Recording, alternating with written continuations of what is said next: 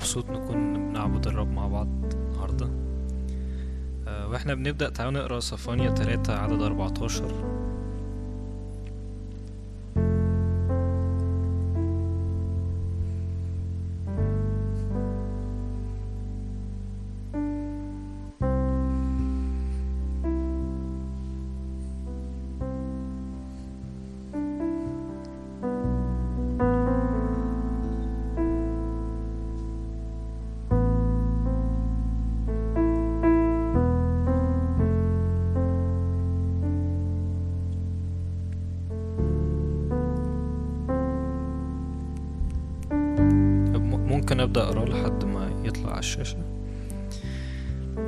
ترنم يا ابنة صهيون اهتف يا إسرائيل.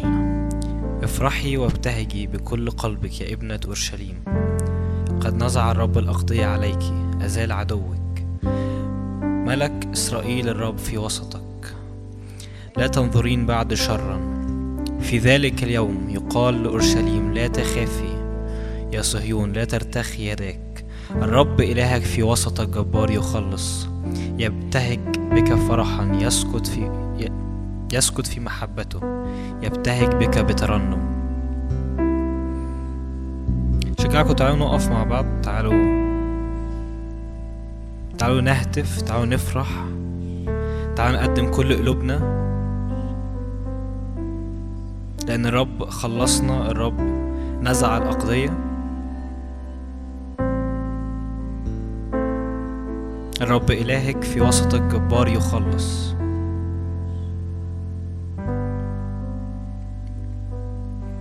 يسوع بنرفع اسمك فوق كل اسم فوق كل رياسة فوق كل سلطان.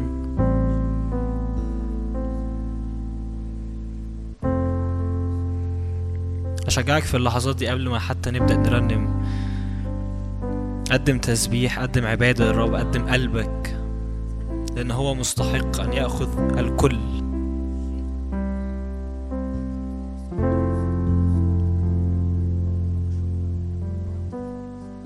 يسوع بنرفع اسمك.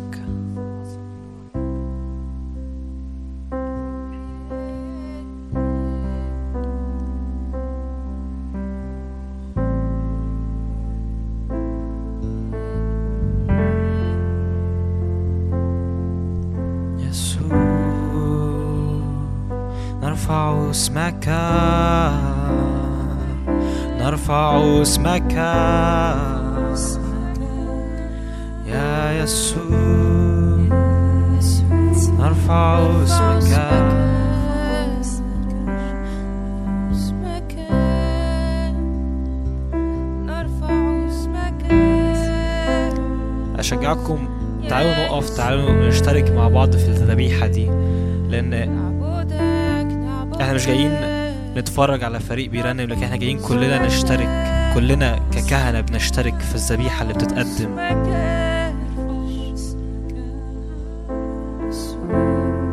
يسوع بنرفع اسمك فوق كل اسم فوق كل رياسة فوق كل سلطان.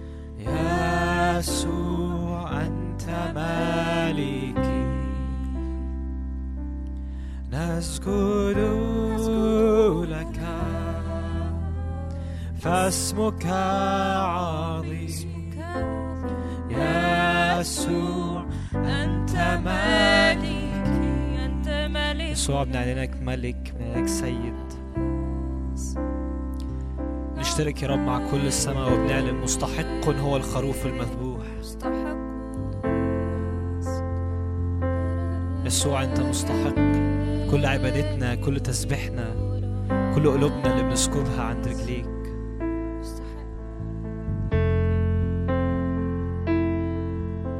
ارتفع يا يسوع خد كل المجد خد كل الكرامة.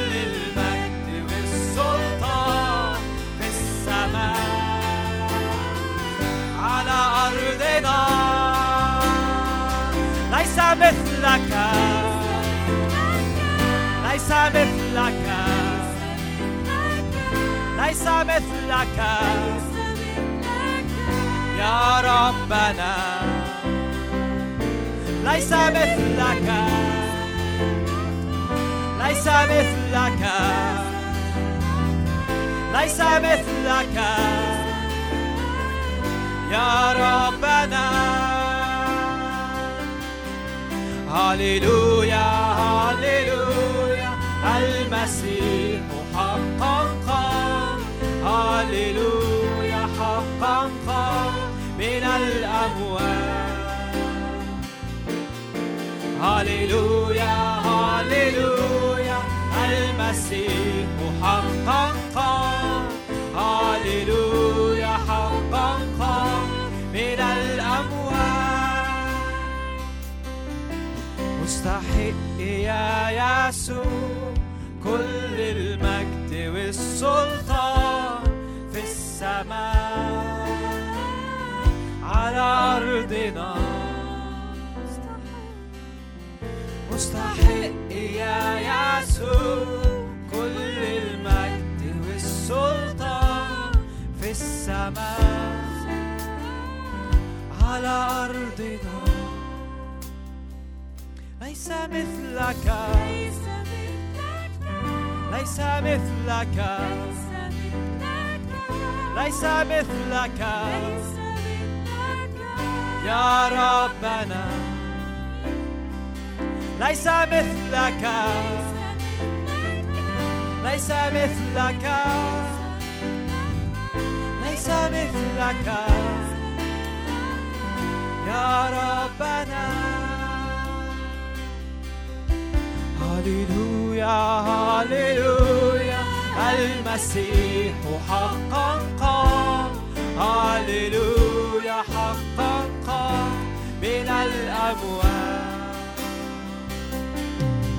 هللويا هللويا المسيح حقا قام هللويا حقا قام من الأموات ليس مثلك.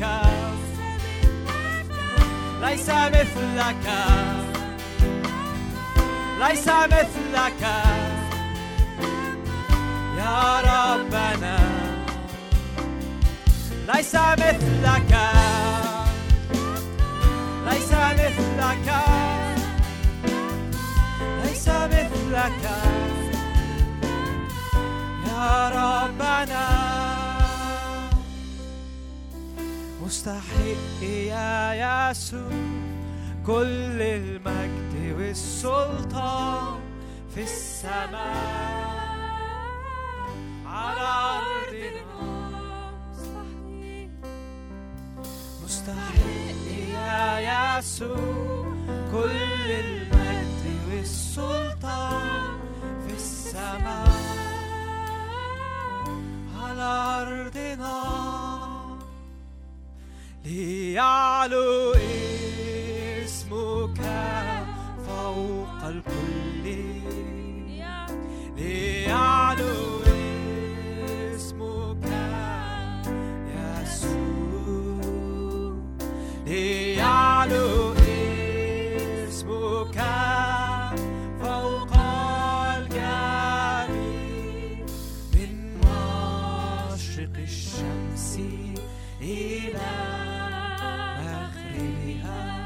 اسم الرب إلهنا مسبح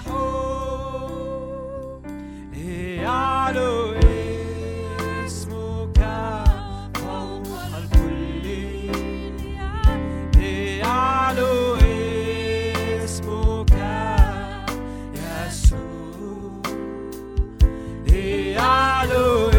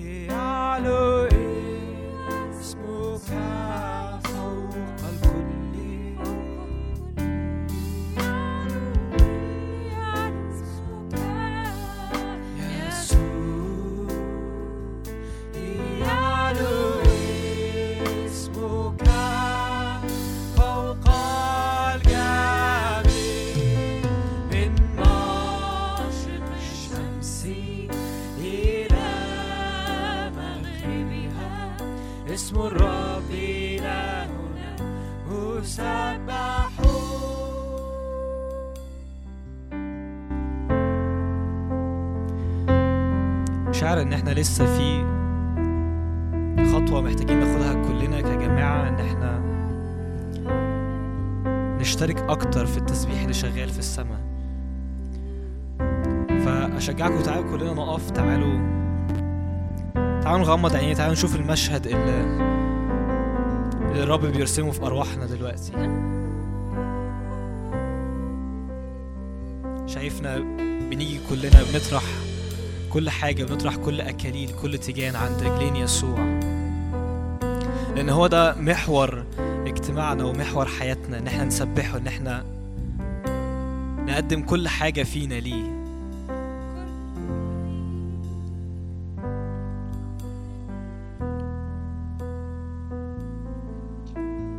فشجعكم تعالوا نعلي اسم يسوع. حتى من غير ترانيم من غير من غير كلمات محفوظة لكن شجعك ارفع اسم يسوع ارفع الاسم اللي فوق كل اسم فوق كل رياسة فوق كل سلطان. ارتفع يسوع في وسطنا.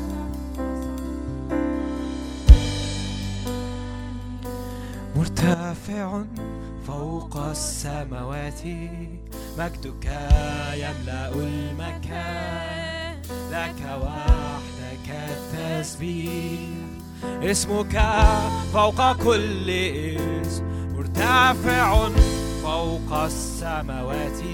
مجدك يملأ المكان لك وحدك التسبيح. اسمك فوق كل اسم مرتفع فوق السماوات. مجدك يملأ المكان. لك وحدك التسبيح. اسمك فوق كل اسم مرتفع فوق السماوات. مجدك يملأ المكان لك وحدك التسبيح.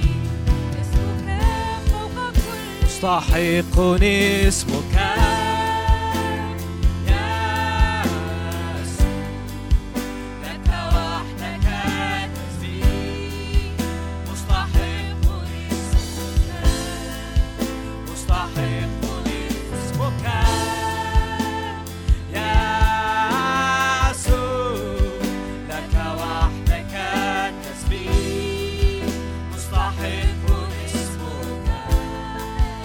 مستحق.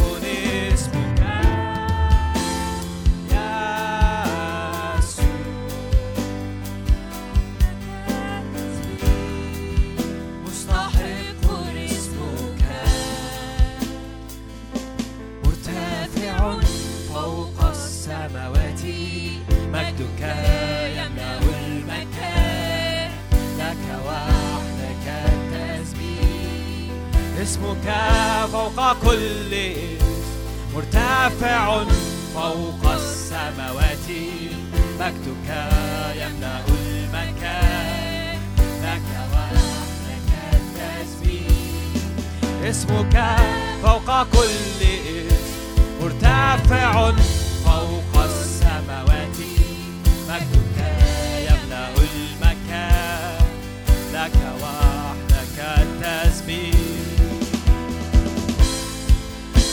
مستحق اسمك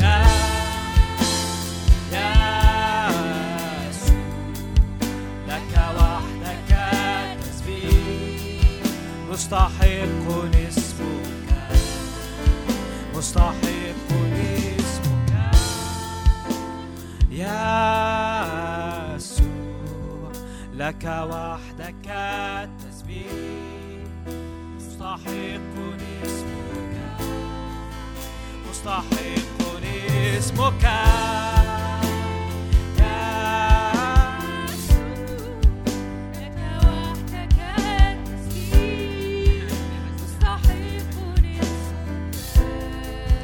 مستحق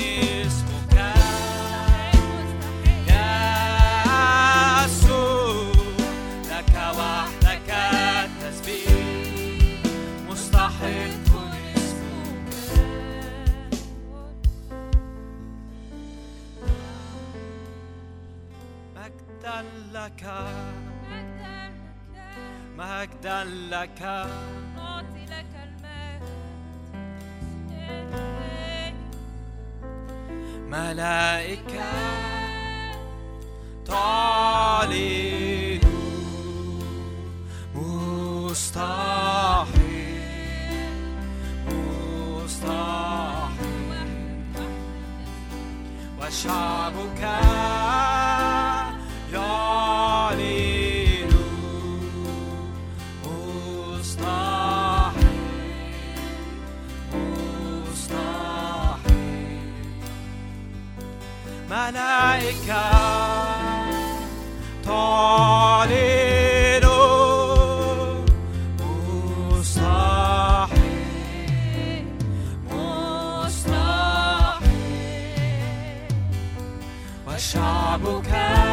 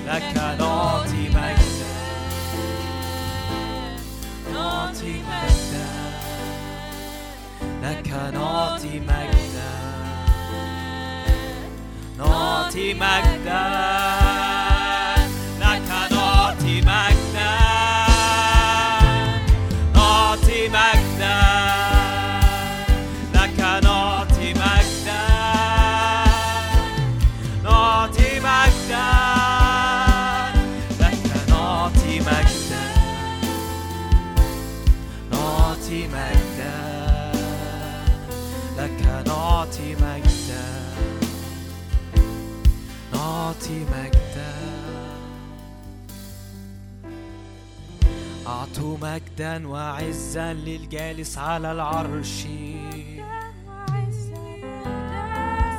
أعطوا مجدا وعزا للجالس على العرش. أعطوا مجدا وعزا للجالس على العرش. أعطوا مجدا وعزا للجالس على العرش. أعطوا مجدا وعزا للجالس على العرش. أعطوا مجدا وعزا للجالس على العرش. أعطوا مجدا وعزا للجالس على العرش. ملائكة تعلن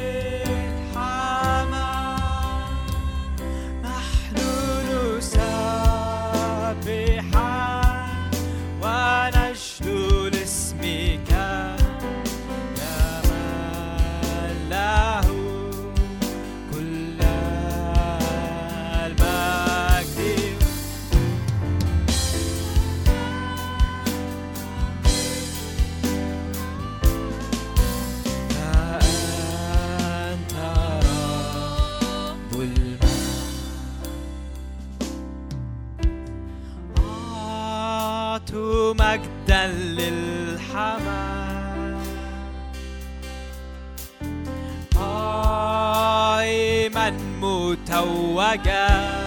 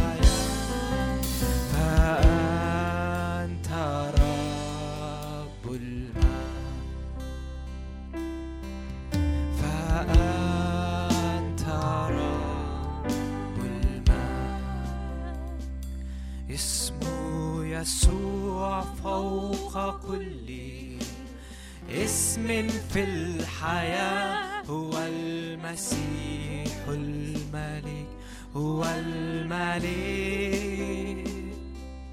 تكثو له كل ركبة يعترف كل لسان هو الإله. هو الإله. اسمه يسوع. اسمه يسوع فوق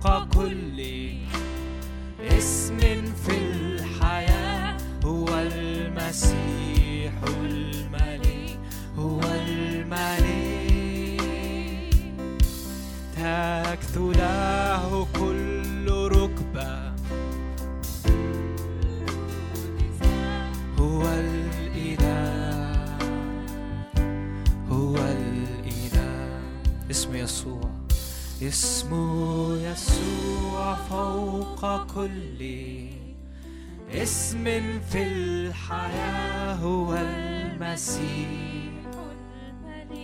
أنت الملك تكثو لك كل ركبة يعترف كل لسان. أنت الإله.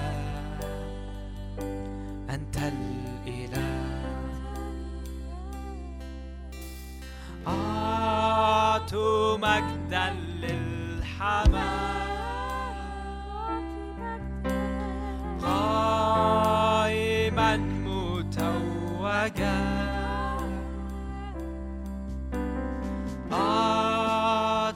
مجدا للحمام.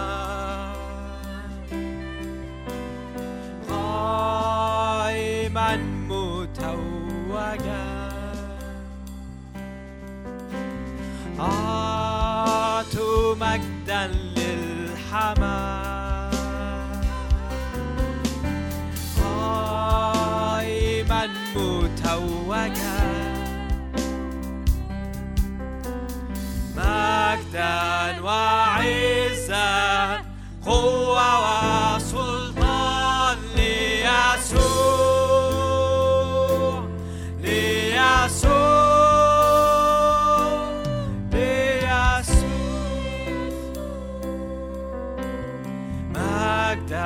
وعزا قوة وسلطان. ليسوع ليسوع ليسوع.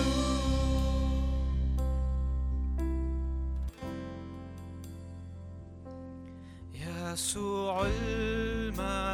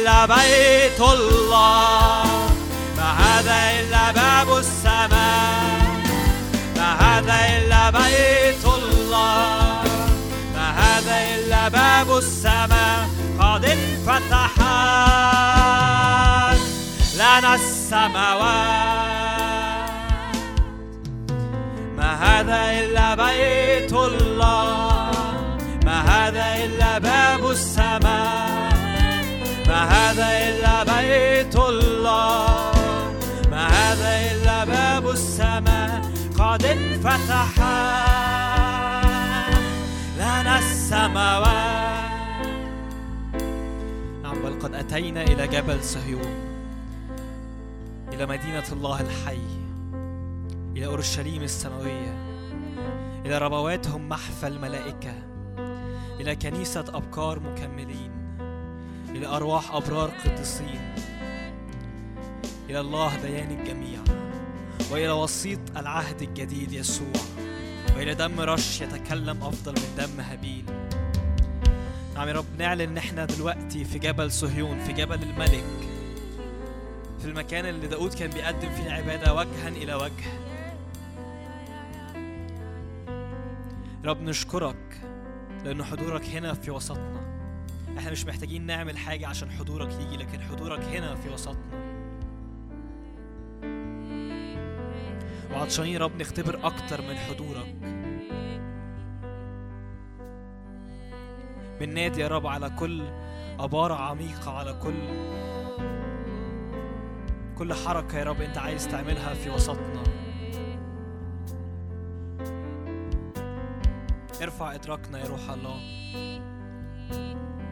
فنرى الجالس على العرش. نرى كل السماء بتصرخ قدوس قدوس قدوس رب الجنود. مجده ملء كل الأرض.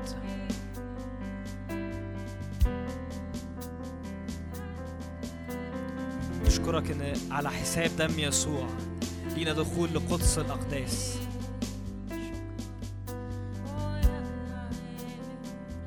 روح الله بنشكرك إن دم يسوع يطهرنا من كل خطية. يطهرنا من كل دوشة العالم من كل تشتيتات.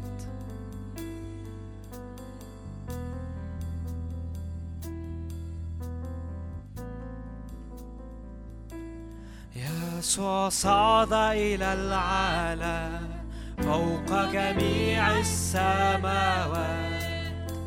قد غلب الموتى بقوة الحياة فهو دعانا من السماء إلى كل ملء الله قد سبى سبيا من الأسر وأعطى عطايا. يسوع صعد إلى العالم فوق جميع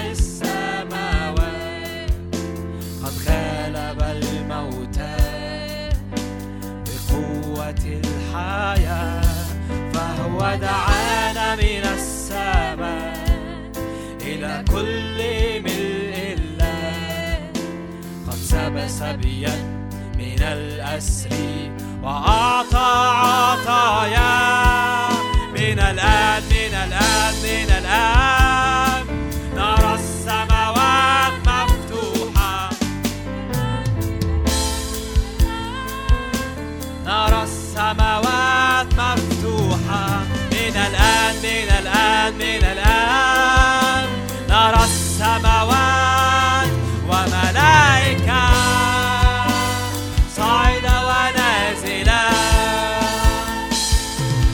رفع النقاب.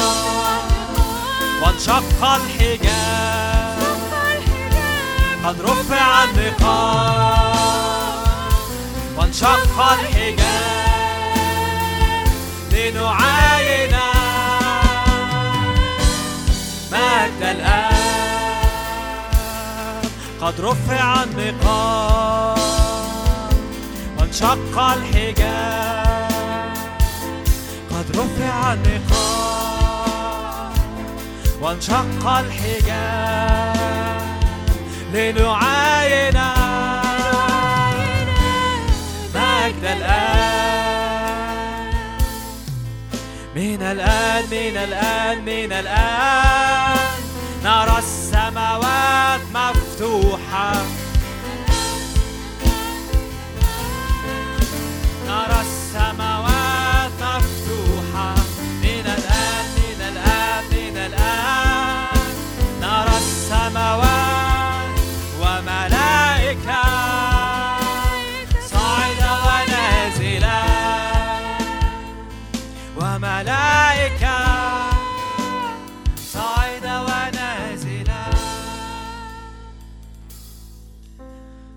هتاف النصرة يملأ أفواهنا؟ صياح الكسرة بين أعدائنا. هتاف النصرة يملأ أفواهنا؟ صياح الكسرة بين أعدائنا. أسوارهم تسقط للأرض أسوارهم تسقط للأرض. تسقط وتشهد لإلهنا.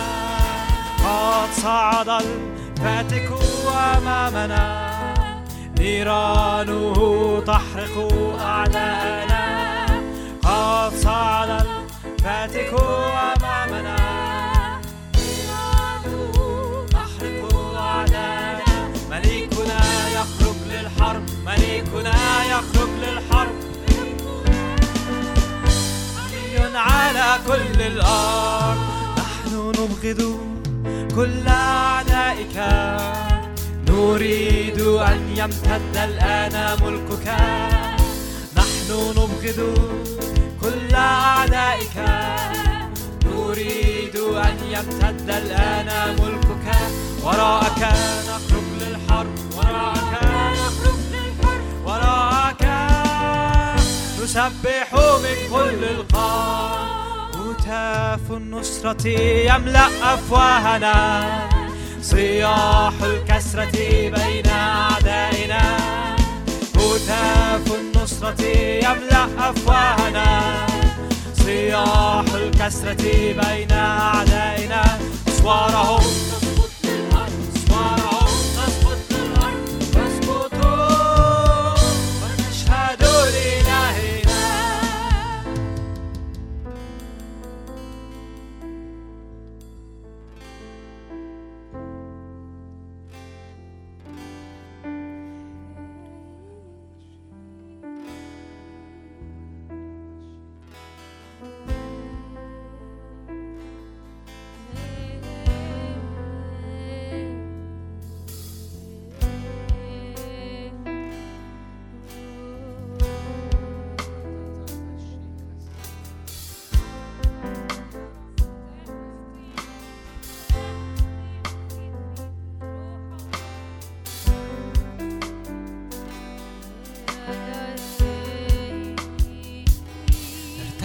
اللهم على السماوات وليرتفع على كل الأرض مجدك.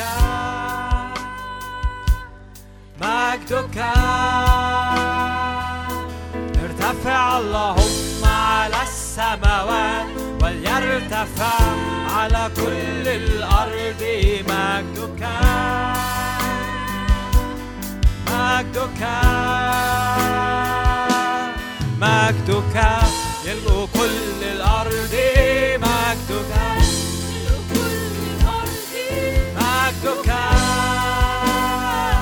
كل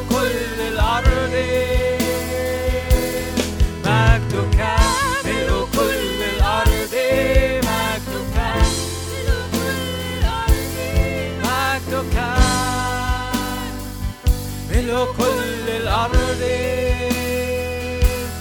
ليعرف اسمك في كل الأرض. ولترى الشعوب مجدك. ليعرف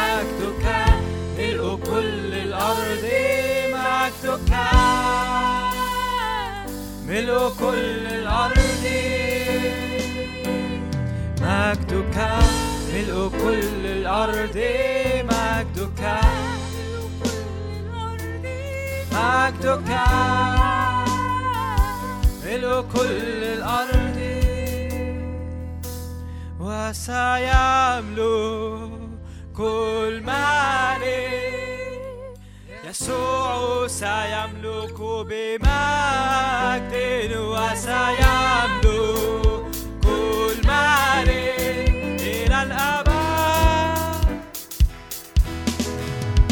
عظموا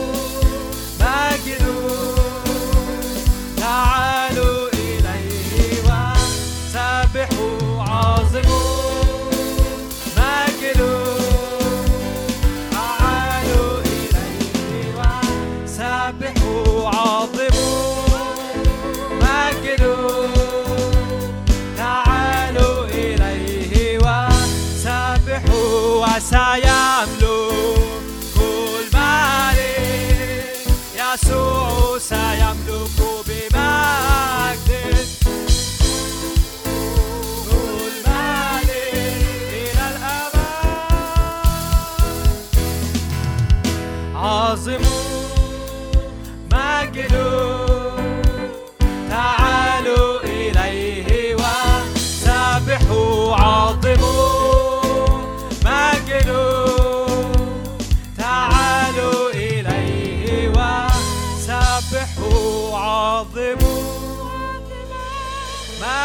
مجدوا تعالوا إليه وسبحوا وقال الرب ليكن نور فكان نور. وقال الرب ليكن نور فكان نور. لأن روح الرب كان يرف على وجه الغمر. يقول كانت الأرض خربة وخالية وعلى وجه الغمر ظلمة. وكان روح الرب يرف على وجه المياه. فقال الرب ليكن نور. فكان نور. نصلي مع بعض. قول يا رب ليكن نور في حتت فيها عمل لقوى الظلمة في حياتي. ليكن نور لأماكن يا رب لحتت يا رب فيها حركة للظلمة. ليكن نور. اشرق يا رب مجدك على كل دواير فيها تدخلات للظلمة. تعال يا رب ليكن نور في كل حتت يا رب لكل دواير يا رب فيها لسه مفيش نور. يا رب اشرق بمجدك اشرق بمجدك. على كل دواير فيها ظلمة على كل حتت فيها العدو تحصن. كل أماكن العدو عمل فيها حصون وعمل فيها أبراج وصارت قوية ومنيعة.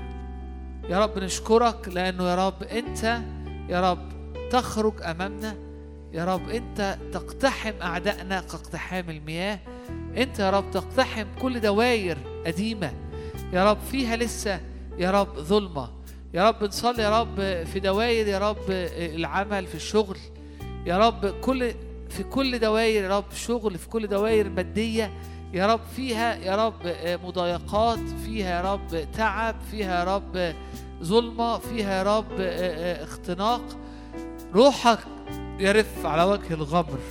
تقول ليكن نور فيكون نور. يقول كان مجاعة في الأرض كان جوع في الأرض كلها وزرع إسحاق. فالأرض جابت أضعاف أضعاف أضعاف. لأنه زرع كلمة الرب لأنه زرع الكلمة النبوية اللي جات له قال له ابقى في الأرض خليك هنا تنزلش لمصر كون أمين اشتغل في الأرض دي وزرع واستنى أوقات طويلة بإيمان. فحصد أضعاف أضعاف مئة ضعف. يا رب بنزرع يا رب في أراضي شكلها فيها جوع. بنزرع في أراضي شكلها فيها ظلمة. بنزرع في دواير شكلها الدنيا لسه ما اتفكتش يا رب بنزرع ولكن مش بنزرع وإحنا مش سامعين. أوقظ لي يا رب أو افتح لي أذان للسمع عشان تسمع منك يا رب كلمات وأمور يا رب للدواير اللي فيها جوع للدواير اللي فيها ظلمة. إحنا بنصلي مع بعض؟ حد؟ بنصلي مع بعض؟ بنتحد؟ عشان كل دواير كل حتت؟ فيها ظلمه في حياتنا. كل دواير فيها جوع. كل ظروف شكلها فيها ما فيهاش حصاد. فيها هنزرع ومش هنلاقي عائد. ممكن في دواير شغل ممكن في دواير علاقات ممكن حاجة ليها دعوة بالارتباط ممكن حاجة ليها ب بعلاقاتك في بيتك علاقاتك مع أولادك علاقاتك مع آه، آه، قرايبك مع أولاد خالتك مع أخواتك. علاقاتك مع زوجتك علاقتك مع في الخدمة. آه، بنتكلم عن أمور ممكن يكون فيها دواير في الصلاة دواير آه، آه، في المذاكرة دواير في الارتباط. شكله ما فيش ارتباط الدنيا بتبوظ. في كل دواير شكلها فيها جوع. كان في الأرض جوع. في تلك الزمن شكلها إنه في الوقت ده في الزمن ده في جوع. مفيش عائد. إيه اللي حصل؟ ابتدى إسحاق يطلب من الرب يسأل الرب فالرب رد عليه قال له خليك في الأرض دي وإزرع الأرض. خليك في الأرض دي ما تنزلش لمصر. إزرع. يقول وزرع. قعد في الأرض زرع في الأرض. الأرض جابت قد إيه؟ جابت العادي لا جابت العادي اللي كان لو ما فيش مجاعة لا دي جابت مئات الأضعاف. جابت مئات الأضعاف. فعايزين نصلي مع بعض إحنا النهارده بنزرع بإيمان. يا رب تعالى وادينا كلمات يا رب للدوائر اللي فيها ظلمة. تعالى وادينا يا رب كلمة للدوائر اللي فيها جوع. يا رب بنحط يا رب بنتحد مع بعض لاحتياجاتنا لتحدياتنا لأمور في بيوتنا. وبنقول لك يا رب روحك يرف على وجه الظلمة وتقول كلمة فيغير الوضع فيكون نور. بنقف زي إسحاق يا رب بنصلي بنتحد بنقف بس بنقف على كلمة نبوية انت بتتكلم بيها. تعالى وكلمنا. تعالى رب وكلمنا من جهة أمور واقفة في حياتنا من جهة أمور فيها تحديات في حياتنا. كلمنا عن أمورنا. تسمع كلمة خلفك. قائلة لك هذه هي الطريق اسلك فيها. خرافي تسمع صوتي. يا رب تعالى وكلم كل حد فينا. تعالى رب بكلمات في أوضنا كلمات في الخلوة الشخصية. تعالى بكلمات لينا يا رب تخص أمور واقفة. تعالى ادينا كلمة أو تعالى ادينا اتجاهات للصلاة. ادينا استراتيجيات ادينا طرق يا رب للصلاة طرق يا رب للتسبيح طرق للعبادة. من جهة أمور فيها تحديات. عشان نزرع في أرض شكلها بور. في زمن مجاعة ونحصد مئات الأضعاف. هو ده اللي بيحصل في الروح. كل هو الفكرة ما كانتش في ال... في البذار اللي هو زرعها. البذار اللي هو زرعها كانت كلمة الرب. عشان كده زرع في الأرض فحصد تعالى يا رب لما تكون الدنيا هايجة قل كلمة. قال له مرني أن آتي إليك سيرا على المياه سيرا على الأمواج. فقال إيه؟ تعالى فنزل ومشي على المية. قول له اديني استراتيجية. قول لي تعالى كلمني. اديني صلوات زي اللي صلاها وكلمات زي اللي قالها. بطرس مرني أن آتي إليك. سيرا على المياه كلمات مش عادية. كلمات ما بتجيش من الفكر العادي. إيه اللي خلاه يقول كده أهو؟ كلمات اتحطت في روحه. مرني أن آتي إليك. الرب حط جواه صلوات حط جواه عبارات فابتدى يكلمها ابتدى الرب يكلمه اداله أمور فقدر يتحرك ويمشي على المية. فاختبر إنه يمشي على البحر الهائج قول يا رب اديني ده. ما تقولوش بقى مرني أنا آتي إليك. قول يا رب اديني كلمات كده اديني صلوات كده اديني انطباعات كده. واديني أصليها واديني أسمع منك. تقول يكن نور تقول يكن إحنا بنصليها ها؟ بنصلي الكلمات دي. تقول يكن نور فيكن نور تقول يكن نور تقول يكن نور تقول يكن نور فيكن نور روحك يرف على وجه الظلمة. تقول ليكن نور فيكن نور. صلي معايا. روحك يرف على وجه الظلمة. تقول ليكن نور فيكن نور.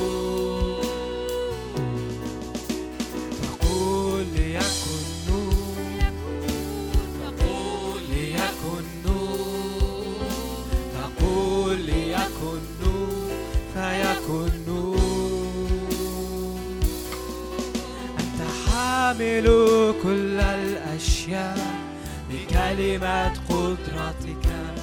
أنت تحملني. أنت تحملني. حامل كل الأشياء بكلمة قدرتي. أنت تحملني. أنت تحملني. تقول ليكن نور تقول ليكن نور تقول ليكن نور فيكن نور. يا رب لو- في ناس وسطينا انت حاسس انك ماشي في مواضيع والدنيا ضلمة. شايف؟ اديني ماشي. قول له ليكن نور. اديني بصيرة. اديني بصيرة. افتح عينيا. اديني بصيرة. افتح عينيا. افتح عينيا. افتح عينيا. فأرى أمشي في النور. لا يكون ظلام التي عليها ضيق. ينير المسيح. افتح عينيا يا رب. افتح عينيا في الموضوع الفلاني. افتح عينيا. اديني تمييز. اديني اتحرك. قال له ما تنزلش مصر خليك في الأرض. دي تمييز. عينين مفتوحة. افتح عيوننا افتح عينيا ندرك افتح عينيا. افتح عينيا يا رب من جهه أمور فيها فيها لخبطة. افتح عينيا يقول لك كده. افتح عيوننا. ندرك ملكوتك. قد اقترب ملكوت الله. افتح عيوننا ندرك ملكوتك. ما لم تر عين ما لم يخطر على بالنا. افتح عيوننا ندرك ملكوتك. قد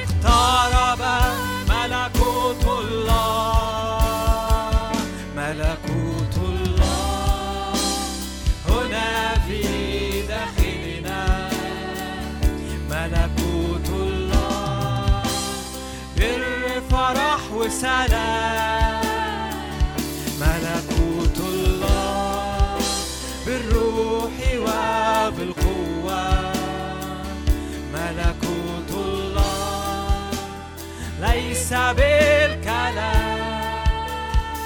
صلي معايا. أرض مصر كان فيها ظلام. فاكرين وقت موسى في الضربات يقول لك كان ظلام في أرض مصر. يقول لك اللي, قاعد ما كانش يعرف يرفع إيده من الظلام أما أرض جسان كان فيها نور أرض مصر كانت مليانة ظلام الشعب ما كانش عارف يتحرك لأنه كانت مليانة ظلام ليه كانت مليانة ظلام؟ لأن الرب جيب قضاء على آلهة مصر. كان في قضاء على العبادة اللي هناك، على الآلهة اللي هناك، لكن أرض جسان كان فيها نور. فصلي معايا الكلمات دي، قول يا رب أرضي حياتي أرض جسان. أنت ملكي. فحياتي مليانة نور فيها تمييز. يا رب ولو في أمور في حياتك أنت مش عارف تميز فيها، أنت مش شايف فيها، قول له ليكن نور في الحتت دي ليكن نور في الدوائر دي ليكن راحة في الحتت دي لأنه أرضي أرض جسان أرضي أرض جسان أنا شعبك قال له كده اطلق شعبي ليعبدني وهو بيخرج الشعب كان في ظلام في مصر كان في نور في أرض جسان تقول لي مش مش مش مش قادر أشوفها. كتاب بيقول كده الشعب الجالس في الظلمة أبصر عليه نور. هم كانوا في ظلمة آه ما كانوش عارفين يميزوا. كانت الدنيا ضلمة كانت الدنيا روحيا ضلمة مش شايفين. لما يسوع اتحرك في الأرض أبصر نور عظيم. في أوقات في حياتي في أوقات في الدنيا حواليا تكون الدنيا ضلمة. يسوع يجي يتحرك بالروح القدس في حياتنا لأنه هو هو أمسا واليوم وإلى الأبد ولأنه هو إلهي. فيتحرك في حياتي فيكون نور في دوائر شكلها مليانة ضلمة. أنا بتكلم عملي أنا بصلي عملي. ممكن حد يقعد معايا يقول لي عندي مشاكل عندي الدنيا شكلها ضلمة في الحتة الفلانية. صلي معايا قول له ليكن نور. قول له الشعب الجالس في الظلمة أبصر نور عظيم. الش... قال له نقلهم من سلطان الظلمة إلى ملكوت ابن محبته ملكوت النور مملكة النور. قول يا رب أحيا في النور. قول يا رب أحيا في النور. لا ظلام لا ظلام. ليكن نور ليكن نور ليكن نور في الارتباط ليكن نور في الشغل ليكن نور في علاقاتي ليكن نور. تعالى يا رب وزود النور. تعالى وزود النور. إله. أنت بتشرق. أنت إله المجد. أنت إله النور. أنت يا رب والنور يضيء في الظلمة. والظلمة لا تدركه. إحنا إحنا بنعمل إيه يا جماعة؟ إحنا إحنا إحنا بنصلي إحنا بنشفع إحنا واقفين مع بعض. إحنا متحدين مع بعض. إحنا بنتحد بصلاة عشان دواير فيها ظلمة يجتاحها النور. النور يقتحم ظلمة في حي... ظلمة يقتحم دواير معينة فيها ضبابية فيها ضبابية فيكون نور. الشيطان ساعات يجي كده بضبابية. في حتت في حياتنا تلاقي الإبليس كده كأنه جايب ضباب عليها. نقول يا رب تعالى بنور تعالى بنور تعالى بنور. أنا مش بتاع امبارح. أنا أنا مش بتاع أنا أنا النهارده داخل الاجتماع عشان ما اكونش بتاع اللي من ساعتين فاتوا. يعني إيه ما اكونش يعني أقول الحتت اللي كانت مصر فيا الحتت اللي كانت ما فيهاش النور أنا بصلي إنها تبقى أرض جساد. أنا بصلي يخش فيها نور. ليكن نور. ليكن نور. ما في ليكن نور. فاكرين لما الكتاب قال ونحن جميعا ناظرين مجد الرب وجه مكشوف؟ نتغير إلى تلك الصورة. من مجد إلى مجد. من من مستوى في مجد المستوى أعلى. فالحياة مع الرب فيها فيها حركة فيها تدرج فيها نور فيها مستوى نور أعلى فيها دواير منيرة في حياتنا بس في حتت لسه لسه مش منورة قوي أو النور فيها قليل ففيها تعب. قول له لا ظلال يا رب. عايزة نور يضيء في الظلمة نور يضيء ممكن مشاعري ممكن الظلمة تكون مشاعري ممكن في وقت في إحباط في تعب في إحساس بإن أنا متقل. بسبب ظروف بسبب أحداث بسبب حاجات في الدو... في الحتة دي تعالى بنور يا رب تعالى بنور تعالى بنور تعالى بنور تعالى بنور. الله نور وليس في ظلمه البتة تعالى بنور يا رب نور يحررنا نور يخش كياننا ويحررها. نور يدي يدي قوة يدي فرح يدي رفعة يدي جوع. نور يا رب يخترق. نور يا رب ضد كل يأس نور ضد كل يا رب رتابة نور ضد كل يا رب انكسار انهزام آه، آه، آه، انحناء.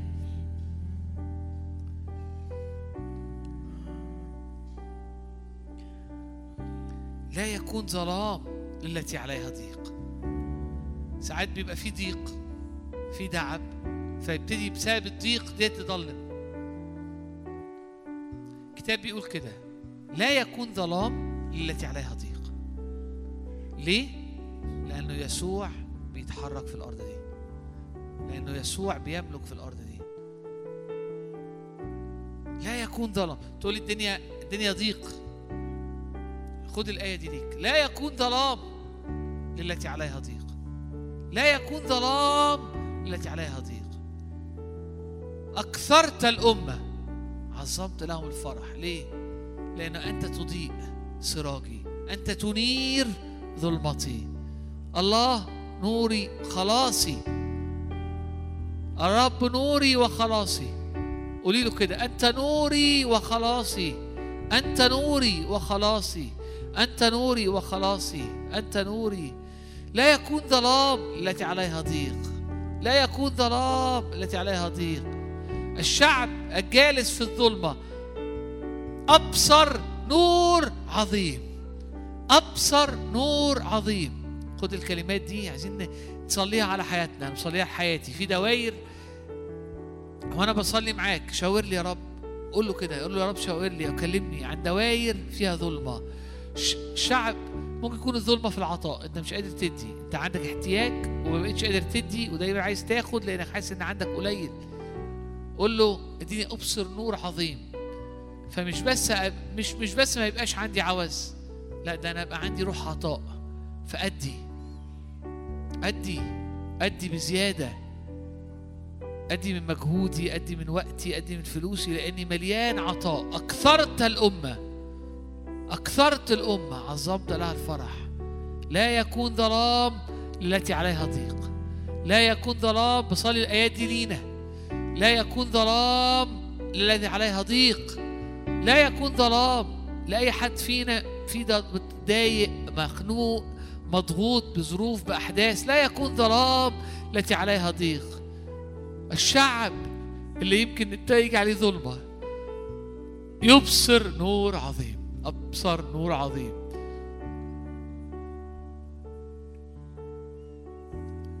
مش ده اللي حصل مع بطرس أو بولس وسيلة في السجن؟ كانوا في سجن مظلم الدنيا ظروف صعبة.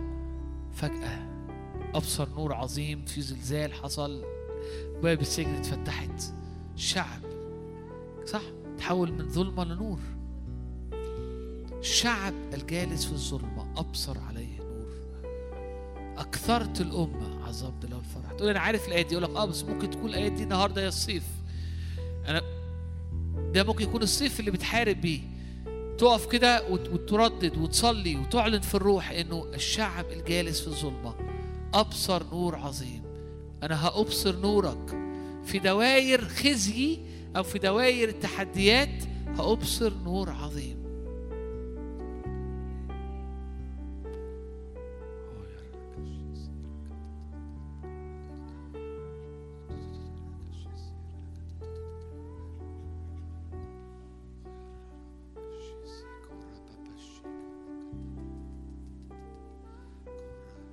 بتصلي بالروح صلي بالروح.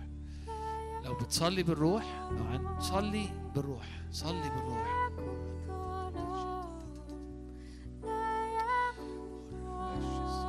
الرب حط جواك انطباع حط جواك آية حطها اكتبها في قلبك. لو في آية لو في انطباع جواك خده.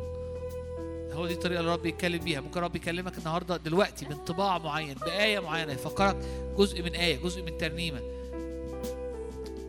هذه هي الكلمة اللي بيها هو ده سيف الروح كلمة الله. الرب يديك كلمة تكون سيف للمرحلة.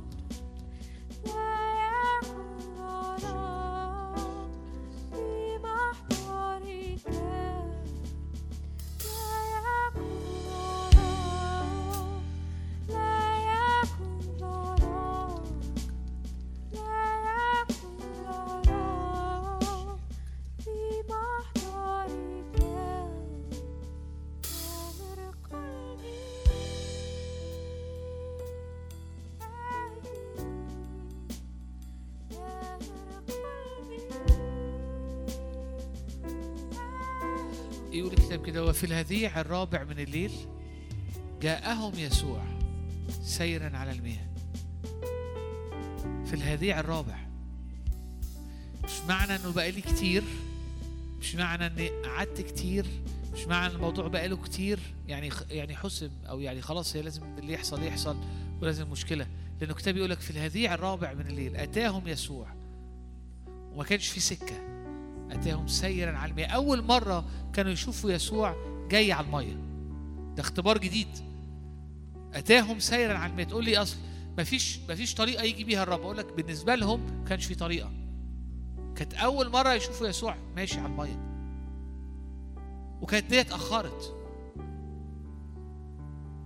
عشان كده الكتاب يقول لك لا تطرح ثقتك التي لها مجازاة حتى لو الدنيا في هزيع رابع.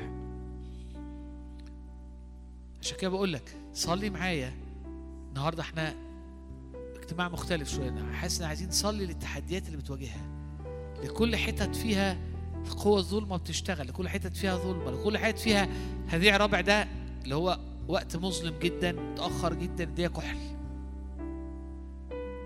قول يا رب فجاءهم مين؟ يسوع. شافوه إزاي؟ في رأيي إنه كان منور كان مختلف. يا رب أنت تأتي بالنور. الشعب الجالس في الظلمة أبصر نور عظيم. يا رب دي يا رب الآيات يا رب استخدمها في حياتي استخدمها في حياتنا. أنت يا رب تأتي في عتمة الظلام. أنت تأتي في في ال- في الحتت في الدوائر اللي فيها قد انتنى اللي فيها قد مات. أنت تيجي في الدوائر اللي فيها هذيع رابع انت تيجي في الدوائر اللي فيها قال قال كده انها انفقت كل ما لها في الأطباء ومفيش مفيش حل. تأتي ولا تتأخر. تأتي. يجي إزاي الرب انه بيبتدي يحرك جواك صلوات. برضه عايز ارجع خطوة لورا. الرب إزاي بيجي النهارده؟ انه بيبتدي يحط صلوات جوانا. بنبتدي نصلي لأمور معينة ونفضل نصلي لأن الكتاب بيقول إحنا عاملون معه. فنبتدي ندعوه. فنبتدي ندعوه فنبتدي ندعوه فيبتدي الرب يأتي. يبتدي الرب يأتي. عشان كده صلي معايا قول يا رب ليكن نور في حياتي ليكن نور في دوائر مليانة تحدي مليانة ظلمة أمور قديمة شكلها حسمت ضدي شكلها اتحسمت ضدي بسبب أخطائي بسبب سقطاتي بسبب حاجات عندي أو بسبب أمور أخطاء ناس تانية.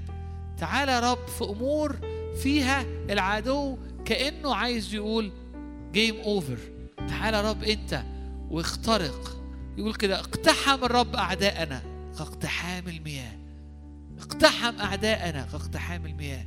لما اتساب ال- الجيش ال- ال- البيوت والأولاد لداود ورجع الشعب ولقى كل حاجة مسبيه وكانت غلطة داود كان غلطة لداود قوية. والناس اللي معاك عايز ترجمه فهو غلط. نتيجة خ- غطا غلطته إنه الناس كل انه إنه خسر الكل. وحتى الناس القريبة اللي كانت تؤمن بيه وعندهم حق كانت أنفسهم مرة عايزين يرجموه. يقول ان هو رفع قلبه وطلب من الرب وقال له هل أدرك أعدائي لو رحت وراهم؟ لو ما سبتش الموضوع لو ما قلتش إنه انحسب لو خرجت وراه هل ه... هل ه... هعرف أجيبهم؟ قال له قال له تدركهم وتسترد. يقول لك فخرج داود واسترد الكل. تعالى برجاء جديد. تعالى برجاء إنه بيك ننطح مضايقنا بيك يا رب يكون نور في الظلمة. إنه بيك يا رب إنه إنه بيك إن إحنا نقدر نصلي ونقدر نطلب ونقدر ننتظر الرب ونقدر نتشفع ونقول ليكن نور في دوائر ظلمة ليكن نور في دوائر انتنت ليكن نور في حتت مليانة يأس ليكن نور في أماكن يا رب شكلها وقعت. ليكن نور ليكن نور في دوائر في حياتنا. لأنك أنت إله الرجاء. لأنك أنت تصنع العجائب. نفسي في الوقت ده لو رب كلمك على دوائر معينة أنت عارف إن هي دي حطها قدامه أو اكتبها. ولو رب اداك آيات أو اداك كلمة أو شاعر إن في آ- آية نورت جواك. حط الآية دي لأن هي دي سلاح. يقول لك سلاح سيف الروح اللي هو كلمة الله. كلمة كلمة الله هي الريمة الكلمة المنطوقة اللي الرب بيديها لنا لحاجة معينة. الرسالة القصيرة الرب يديها لنا لحاجة معينة. فالرب كتير بيحط في أرواحنا جملة آية كلمة دي بتاخدها ونبتدي نصلي بيها. زي ما حصل دلوقتي كلمة ليكن نور. كلمة ليكن نور الآيات اللي هي الشعب ال- دي دي ريمة دي دي حاجة رب اداها في الصلاة عشان نهز نفضل نخبط بيها نخبط أرضنا نخبط أرضنا. وإحنا بنصلي فيبتدي يحصل تغييرات. يقول أما منتظري الرب فيجددون قوة. يرفعون أجنحة كالنسور مش لما الحاجة تحصل. ده هو منتظر الرب لأنه ده الديناميكية. وأنت في أوضتك. وأنت في الخلوة الفردية. انت بتبقى واقف قدام الرب الرب دي يديك آيات يديك كلمات يديك صلوات الصلوات دي وانت بتصليها بالطريقة دي بتتجدد قوتك ترفع أجنحك كالنسور بت- بتبقى مش تعبان ليه؟ لأنك واخد آيات، واخد كلمات، واخد طبعات، وواقف قدام الرب، واخد وبتبتدي تصلي بيها ف فتنطح مضايقيك. فتعد الأرض قدامك فتمهد الطريق وتجدد قوة من قدام الرب. وتلاقي نفسك بتنتعش بتنتعش. هي هي قاعدة قدام الرب لكن قاعدة بيبدأها الروح بكلمات بيديها لك بصلوات بيديها لك تبتدي ترددها بتخش في في في في حتة بتشرب من الرب وتتعضد من الرب فتجدد قوة فترفع أجنحة كالنسور. تبتدي تصلي وتمشي ولا تعيا. هللويا.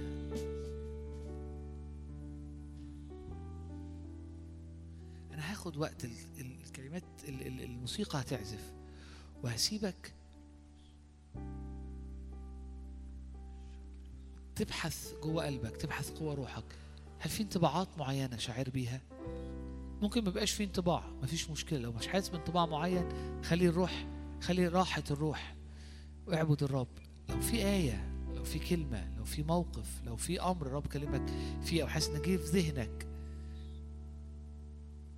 أنا دايما معايا ورقة وقلم أو دايما معايا في التليفون بكتب إنه أي انطباعات بيجي. فيها حط الانطباعات على ورقة لو معاك ورقة وقلم. لو لأ ابتدي ردد اللي الرب قاله لك عشان ما تنساهوش. حطه احفظه في قلبك. أما مريم فحفظت الأمر في قلبها.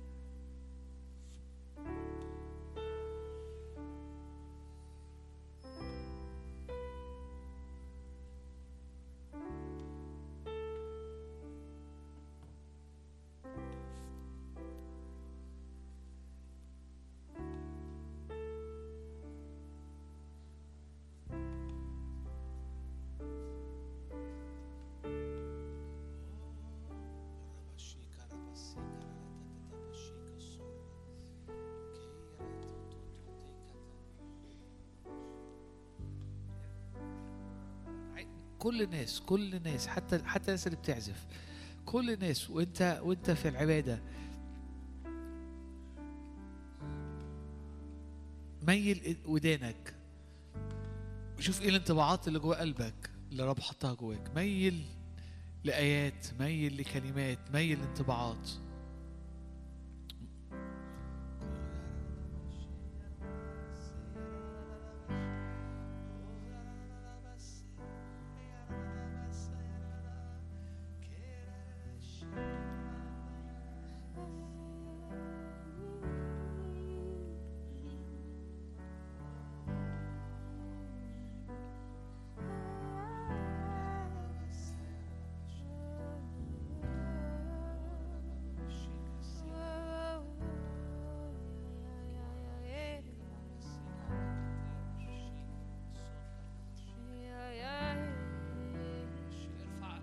قلبك وارفعي قلبك.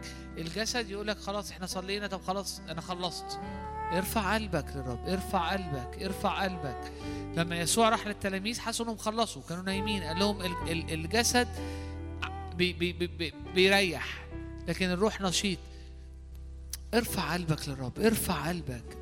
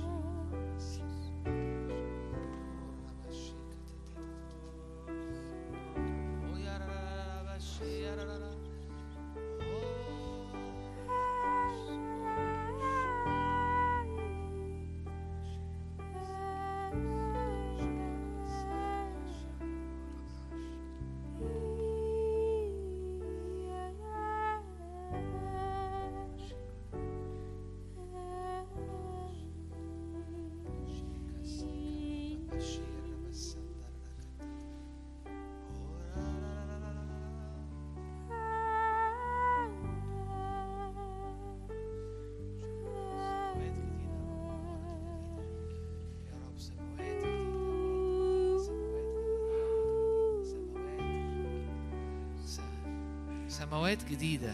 يعني إيه سماوات جديدة؟ يعني تصلي والدنيا فوقيك مفتوحة. الدنيا فوقيك. فيحصل إيه؟ فتبتدي والواقع بتاع حياتك ومشاعرك والأرض الحاجات الطبيعية تتغير. رب يفرد يطوي سماوات. يقول كده الكتاب يطوي سماوات ويفرد سماوات جديدة. يعني إيه؟ إيه الآيات دي؟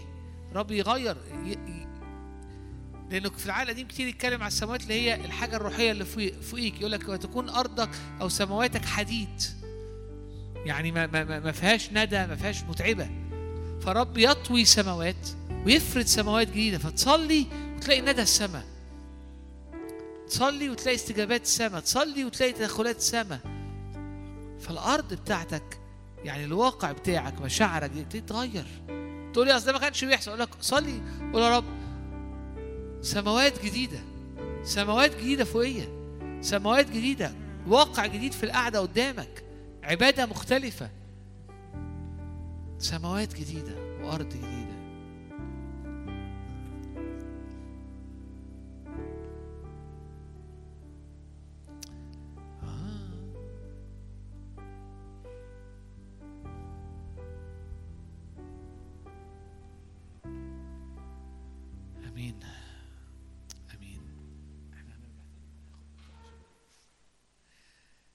زي ما إحنا كده اهوت من غير ما نقطع روح الصلاة.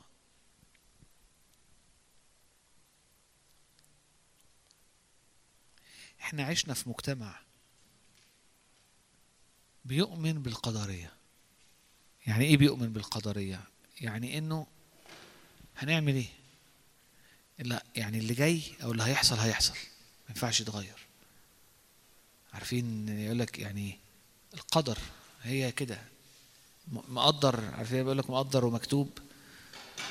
ممكن تكون انت الكلمات شكلها لا إحنا ما بنؤمنش كده قوي. أو لا بس ده ده ده مالي مالي الناس اللي حوالينا. وكتير من بيبقى إحنا حاسين إحنا إحنا انجاز التعبير إحنا الديل. يعني إيه الديل؟ يعني عارفين لما لما لما يبقى في اي حاجة بتحركها الراس هي اللي بتحرك الجسم بيتحرك. اخر حاجة بتمشي ورا هو الديل. فالكتاب لما قال تكون راسا لا ذنب يعني تكون أنت راس مش مش ديل مش بمعنى إن أنت مش هتكون حاجة تابعة.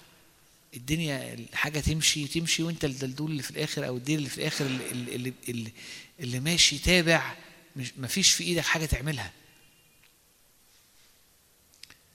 الكتاب بيقول لا أنت مش مدعو لده أنت مدعو تكون راسا لا ذنب يعني تكون حاجة هي اللي بتفكر وهي اللي بتتحرك. مش حاجة مجرورة. مش حاجة مجرورة. القدرية تقول لك إن اللي هيحصل هيحصل وأنت الدنيا هتمشيك. فأنت مجرور. أصل الاقتصاد كده فأنت وأنت عايش في البلد دي فأنت مجرور. أصل الدنيا بقت صعبة والناس بقت وحشة فأنت مجرور. أصل ال... ال... ال... ال... الناس الكويسة قليلة فأنت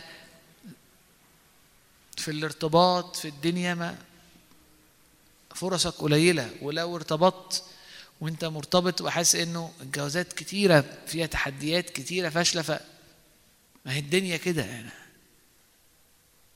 تكون رأسا لا ذنب. الآية, الآية بتتكلم عن إيه؟ أنت مش مدعو إن أنت تكون متساء. أيا كان الحاجة القوية اللي سايقاك أنت مدعو في المسيح إنك تكون في القيادة. فممكن كتير قوي يكون جوانا شجرة مغروسة عميقة قوي قوي جذورها بتقول لي أنا مفعول به. ممكن يكون ده اختبارك وممكن ده اختباري. إن ظروفنا وحاجات اللي عدينا بيها خلتنا عبر سنين طويلة مفعول به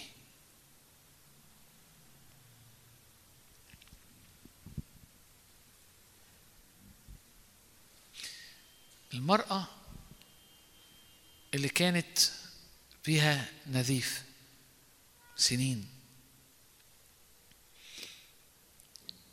مفعول به لأنه بسبب اللي عندها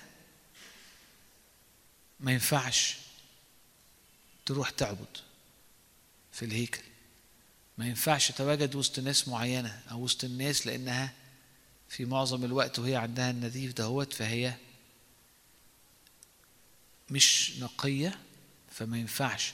فكانت حياتها حاجات كتيرة مهمة جدا في دوائر حياتها متأثرة ومفعول بيها بسبب هذا المرض. فالواقع بتاعها كان انها إيه؟ مفعول به. ذنب مش رأس. سنين. بس مش دي دعوة عشان كده لما يسوع اتحرك لما قابلته المعادلة اتقلبت. شفاها وحياتها اتغيرت. بس خلي بالك إزاي اتشافت؟ في حاجة جوه قلبها اتحركت وقالت أنا لو رحت ومسست هود بثوبه هشفى. هي ما سمعتش عن ده قبل كده. يعني دي مش طريقة هي قرت عنها في العهد القديم مثلا؟ كانت قصة قديمة في العهد القديم هي قرت عنها؟ فقالت هعملها تاني. ما سمعتهاش قبل كده. يعني ما تقراش قبل القصة دي قصة إن واحدة جريت على نبي في العهد القديم أو في كذا وقالت أنا لو عملت كذا يحصل لي كذا فما حصلش. فبالنسبة للمرأة اللي بيها نتف دم هي كانت مفعول به. لأنه بسبب نتف الدم حاجات كتيرة قوي في حياتها كانت مش هي اللي مختاراها. حالتها هي اللي فرضها عليها. فأنت ممكن تقول إيه أنا بال... لأ أنا معلش بس نتكلم بصراحة أنا حياتي مفعول به. تعال أحكي لك. أقعد وأسمعك. هتحب ابتدي معاك منين؟ تحب ابتدي معاك من وأنا صغيرة؟ تحب أحكي لك على البيت؟ تحب أحكي لك عن كذا؟ تحب أحكي لك عن اللي حصل في كذا؟ تحب أحكي لك عن أبويا؟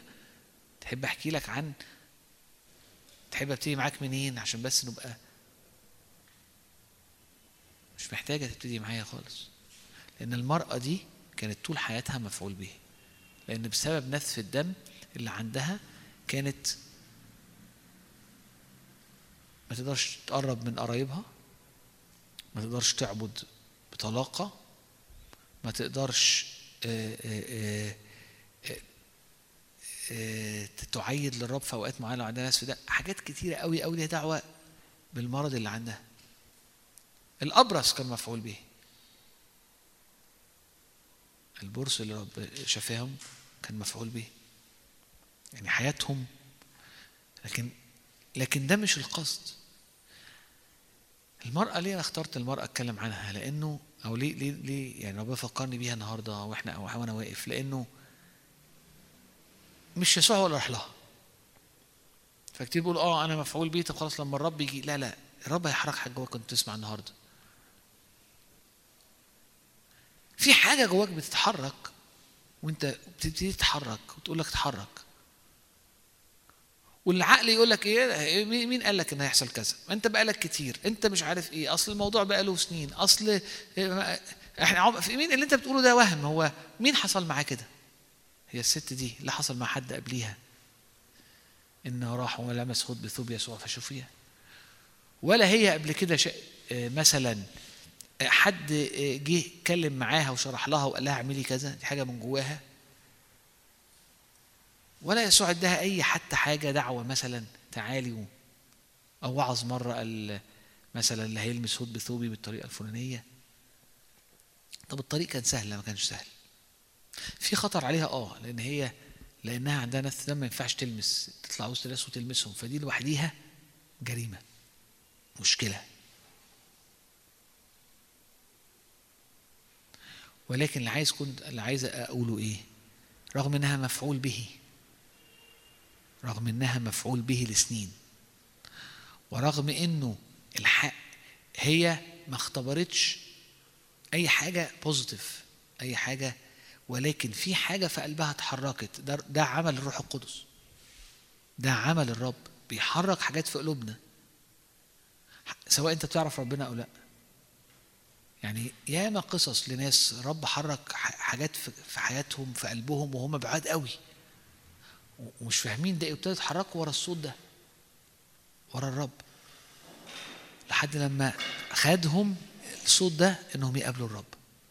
فالست دي حصل معاها كده. لما قابلته تحولت من مفعول به لست مليانة شفاء ومليانة بر ومليانة اختبار.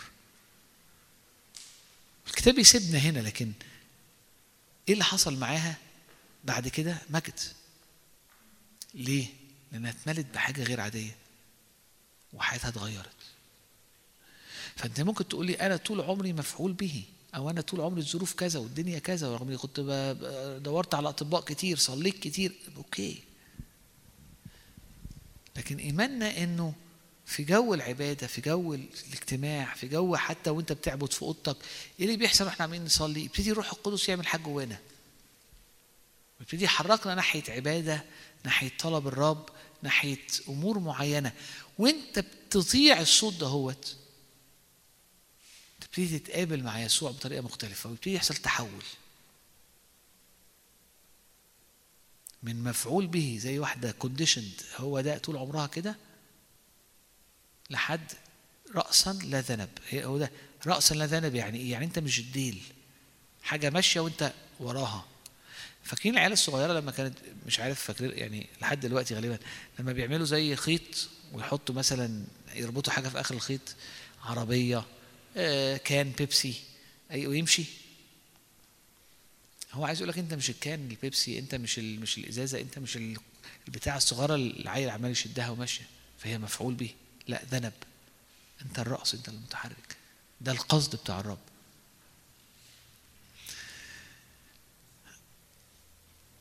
فاحنا مش مدعوين للهزيمة أو إن حياتنا تمشي كده.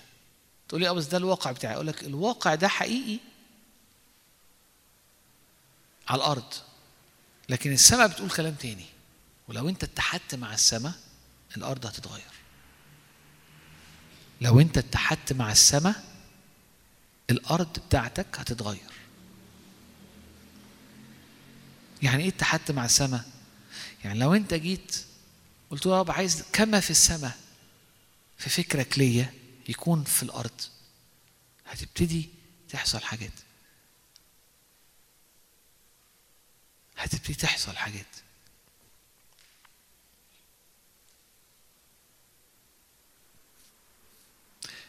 عشان كده صلينا النهارده. كنا بنصلي لإيه؟ إنه في دوائر يا رب تعبانة. في دوائر كذا في دوائر كذا. خلاص هنبت... يا رب تعالى بنور. انت في اوضتك وانت بتاخد وانت وانت في خلوتك وانت ماشية دي الطريقة اللي تاخد بيها خلوتك. انت مش داخل بأجندة أنا هقرأ كذا وهعمل كذا وهصلي لكذا عشان لا انت تخش قدام الملك تبقى ساكت. تقعد قدامه. وتشوف الروح القدس هيحركك إزاي فتلاقيه ممكن في وقت يحركك انك تقعد تعبده وتقعد تعبده ما تفكرش في أي حاجة. وتلاقي الرب عمال يكلم وفي وقت تاني تلاقي الرب عمال يكلمك عن أمور معينة. في حاجة في قلبك عبارة عن توبة.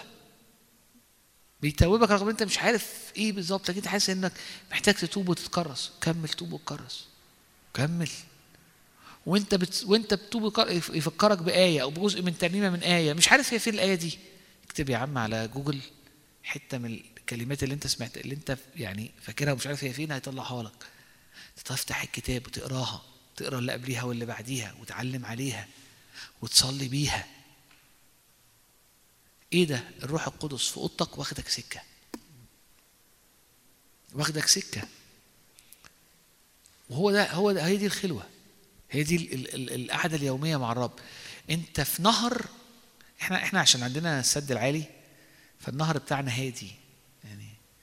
لكن في أنهار تانية عالية شوية. فأنت لما بتنزل بالمركب في النهر التاني المية بتاخدك.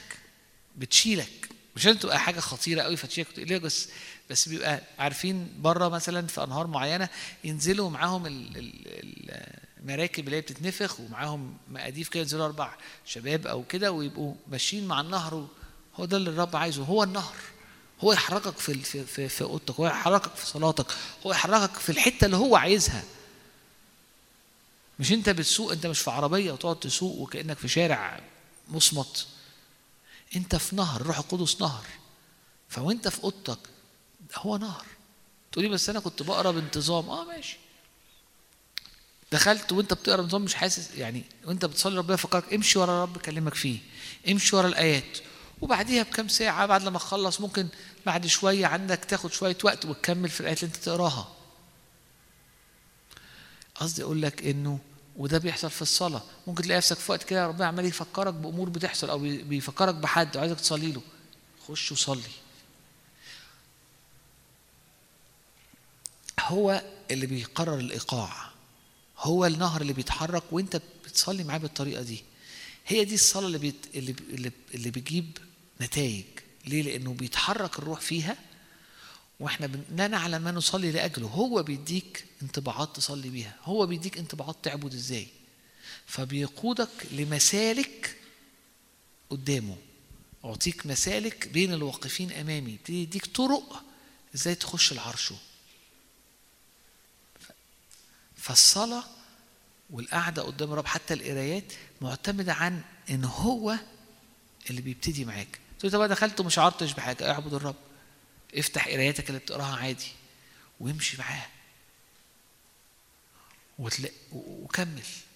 لكن في أوقات كتيرة هتلاقي الرب بي بي بي بيحط جواك اتجاهات معينة. إحنا بنحس إيه؟ لا لا ما بعملهاش بالطريقة دي. أنا ما لازم الأول أرنم وبعد كده أفتح كتابي وبعد كده أعمل. امشي. ما تمشيش بال system ده. لو أنت لو رب يكلمك إنه اسجد قدامي واقعد ساجد واعبدني اسجد قدامي واعبد. طب بس آه، أنا قدامي نص ساعة وبقى ربع ساعة أهو بصلي وقدامي عشر دقايق تاني مثلا ومش هقدر كده مش هبقى قريت حاجة. خليك في نفس الحتة اللي الرب دعاك ليها. هتلاقيه بعد شوية في نفس اليوم بيحركك ناحية الحق وناحية قرايات معينة. اقرأ بعديها. تقول لي أنا هاخد خلوتي مرتين. هقعد قدام الرب مرتين. يا أخي اقعد ثلاث أربع مرات إيه المشكلة يعني؟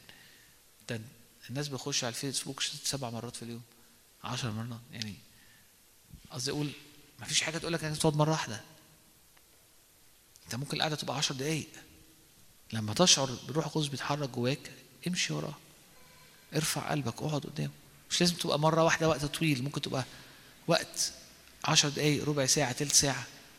وبعد شوية في وقت تاني ترابي يحرك في حاجة فتقعد معاه تلت ساعة نص ساعة. حلو إنه يقعدك تقعد تقرأ ساعتين. ما عنديش مشكلة. أنا بحاول أقول لك إنه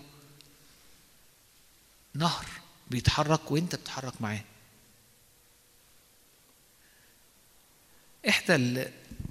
طيب أنا مش عايز يعني ما كنتش يعني الحاجة اللي كانت جوايا إن أشاركها في خمس دقائق هي إحدى أسلحة النور.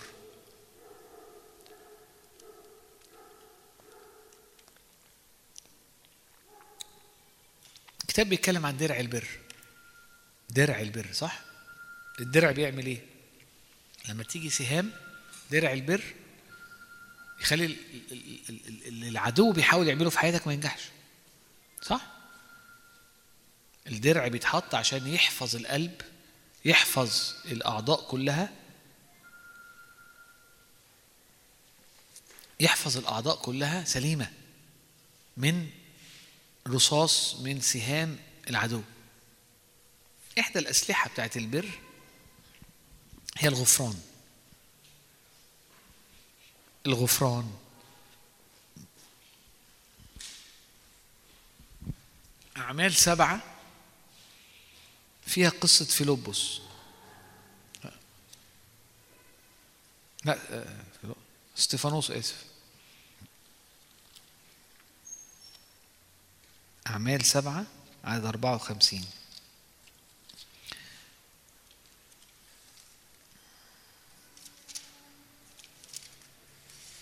إيه اللي حصل في أعمال سبعة؟ مسكوا استفانوس وكانوا بيحاكموه. فابتدى يتكلم بالروح القدس في وعظة جميلة قوية مليانة نعمة مليانة مجد للناس عن إلههم عن الرب اللي, اللي دعا إبراهيم عن المجد.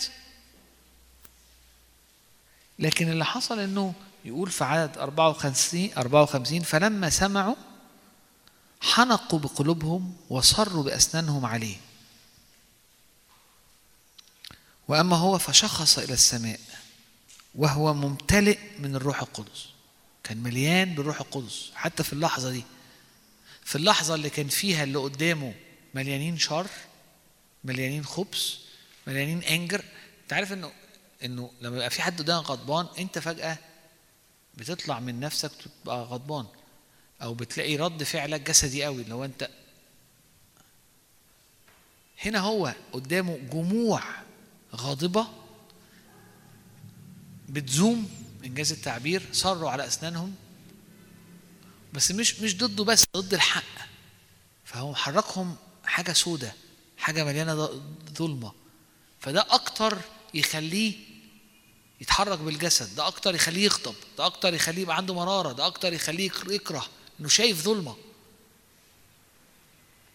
لكن الكتاب يقول أما هو فشخص إلى السماء.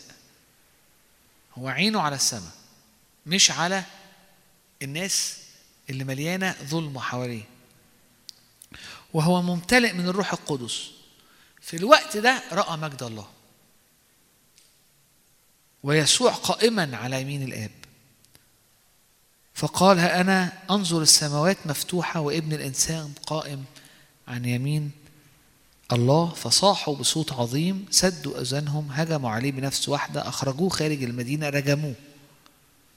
برضه تخيل الموقف هو الرجم ده حتت طوب كبيرة يعني مش شوية زلط لكن هو حتت طوب كبيرة عمالة تترمي على الشخص يبتدي يتعور يبتدي يتكسر حتت من جسمه يبتدي ينزف لحد لما يموت.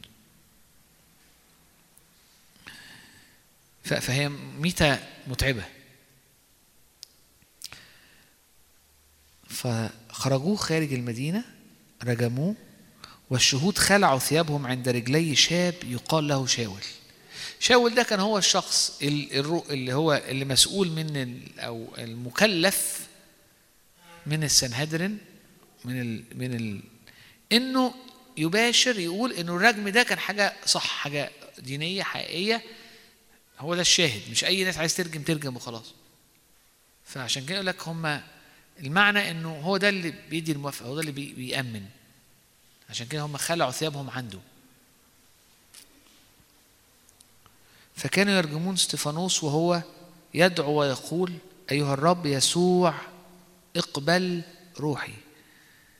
ثم جثى على ركبته وصرخ بصوت عظيم يا رب لا تقم لهم هذه الخطية. وإذ قال هذا رقد. وكان شاور راضيا بقتله. وحدث في ذلك اليوم اضطهاد عظيم على الكنيسة التي في أورشليم. يعني بعد ده حصل الجمع اتجنن وابتدى يدور على أي مؤمنين في الدنيا في حواليهم كأنها ثورة عشان يرجموا ويضطهدوا الكنيسة. ابتدت هنا اضطهاد عظيم. التي في أورشليم فشتتت الجميع في كور اليهودية والسامرة ما عدا الرسل. أو فتشتت الجميع في كل اليهودية والسامرة ما عدا الرسل وحمى الرجال الأتقياء استفانوس وعملوا عليه مناحة عظيمة وأما شاول فكان يسطو على الكنيسة. وهو يدخل البيوت ويجر نساء ورجال ويسلمهم إلى السجن فالذين تشتتوا جالوا مباشرين بالكلمة. فانحدر فيلبس إلى مدينة من مدينة من السامرة وكان يكرز لهم بالمسيح. طبعا لو كملنا هنكتشف إن حصلت نهضة في السامرة. أنا عايز أقف هنا. إحدى أسلحة النور هي الغفران. استيفانوس كان في حلين أو كان في الطبيعي يبقى في دايما اثنين رد فعل يا إما هتحرك بالطبيعي أو بالجسد فأنا هشوف ناس شريرة بتأذيني بتتعبني بتعورني ضد الرب مليانة قتل مليانة تعب مليانة سواد وبتتحرك ناحيتي وجموع. الطبيعي إيه؟ يحرك جوايا غضب هيحرك جوايا إحساس بالظلم هيحرك جوايا مرارة هيحرك جوايا إن أنا عايز يا رب تنزل نار من السماء وتاكلهم يا رب يعني يعني إيه ما يزرعه الإنسان اياه يحصد يا رب يحصدوا اللي بيعملوه. لحد ما وهو بيموت. طبيعي. صح؟ لما بيحصل كده المرارة يقول عنها الكتاب يطلع أصل مرارة يتنجس منه كثيرين. لما بيحصل رد الفعل ده اللي بيحصل إن الشيطان بيحرك الناس عشان الناس تغلط في بعض. وبعد كده اللي اتجرح يتعب فيبقى عنده عدم غفران ومرارة ويحس إنه ده حقه. يبتدي الشيطان يشتغل على عدم الغفران والمرارة في حياة الشخص ده. منها الشخص نفسه نفسيته بتتقفل كأنك عندك نهر وبنيت فيه سد. فالشخص اللي هو زي استفانوس اللي اتجرح واتضرب ساعتها يبتدي يبقى عنده عدم غفران عنده مرارة منتظر نقم عايز يشوف الشخص اللي قدامه ده بيعاني أو بيدفع الثمن أخطائه. ده بيسد قنوات الروح في حياته. مش بس كده ده كمان بيدي فرصة للشيطان والقوى الظلمة إنها تشتغل في الناس التانية. إنها تشتغل أكتر وأكتر وتاخد قوة في الناس اللي رجموا استفانوس فياخد فيزدادون سوءا يزدادون ظلاما يزدادون تعبا. ف...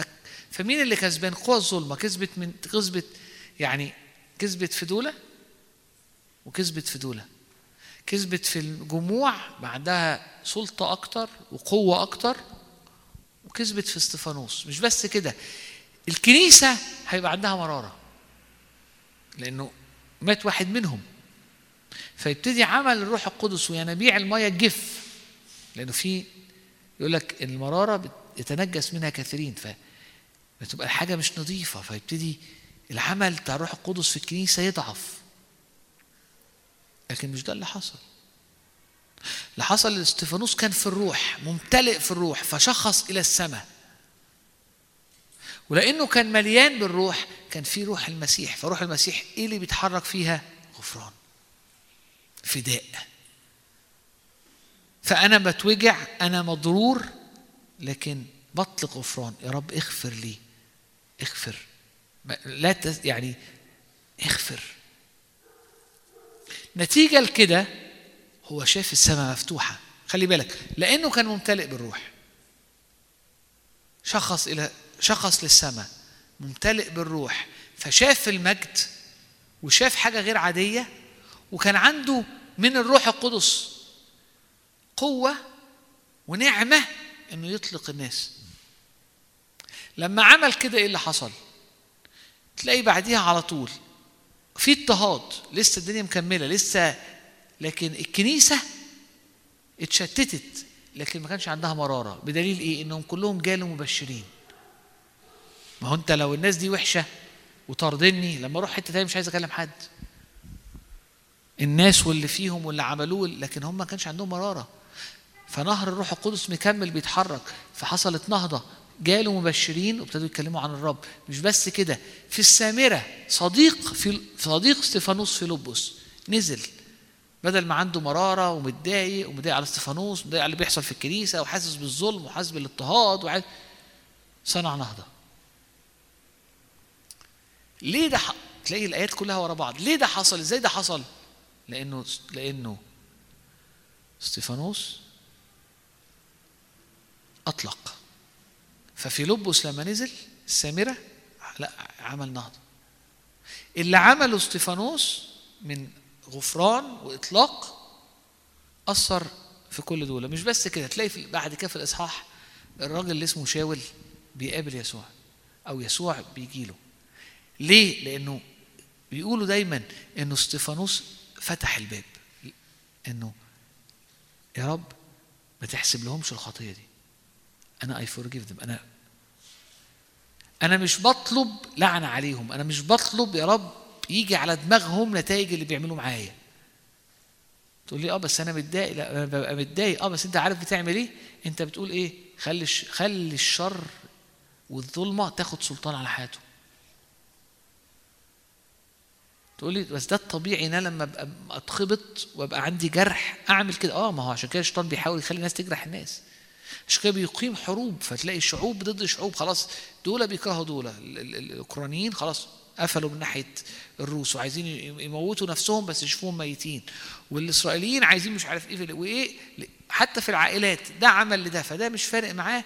ممكن يضيع حياته بس عشان يشوف اللي قدامه ده بيتعذب. ليه؟ لأنه الشيطان عمال يعمل انقسامات فياخد فيبقى في عدم غفران فيدمر الشخص اللي اتعور. يجي على عارفين كأنك بتعور وما ضمتش الجراح فتيجي وتلاقي دايما. على الجروح اللي مش مضمده تيجي الذباب والحاجة تقف عليها. فده اللي إبليس بيعمله يجي على الحتة يجي على الوجع يجي على عدم الغفران بذبابه. فأنت حياتك تتمرر. وإبليس كأنه يقفل سدود الروح الميه الروح.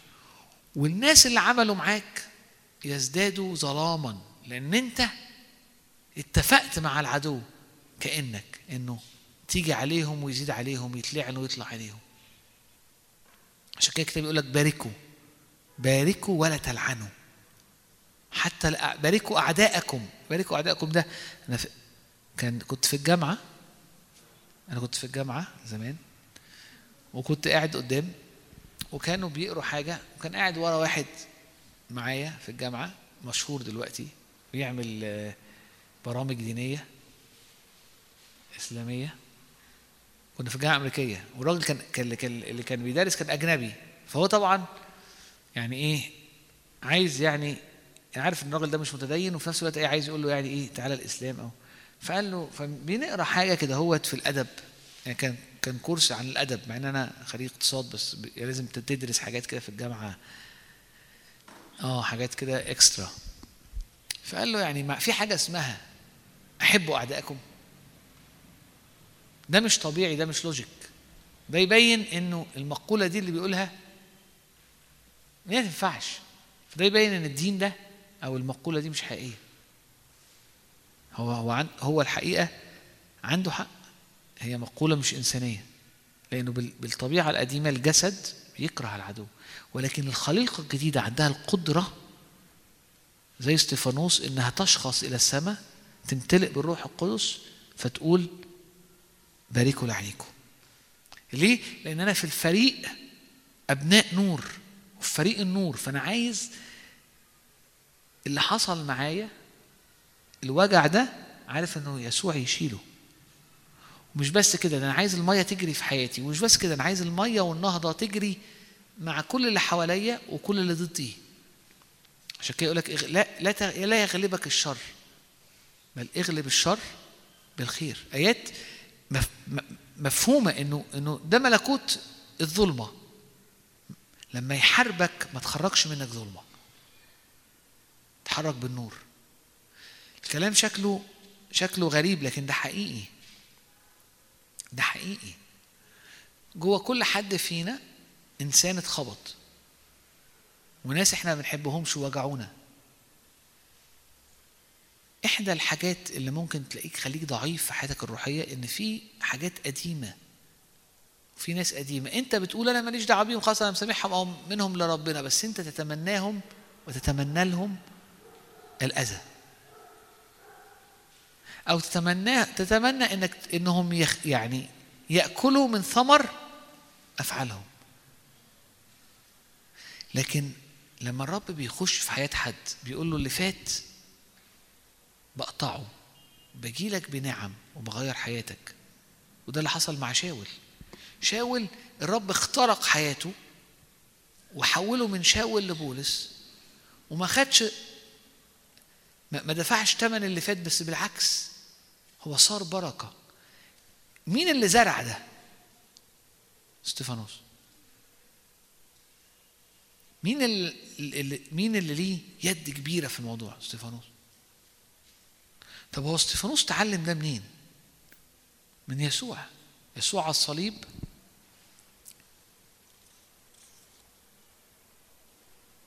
لوقا 23 عدد 30 لوقا بيحكي لنا عن الصلب. وازاي قوى الظلمة بتحرك الناس؟ يقول الكتاب إن أسلموا يسوع بيد آثمة. وهم أشرار.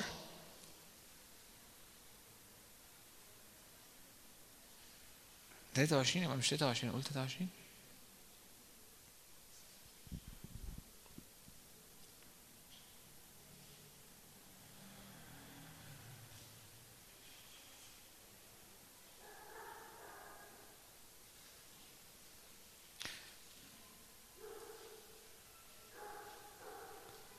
لوقا 23 عدد 34 طيب.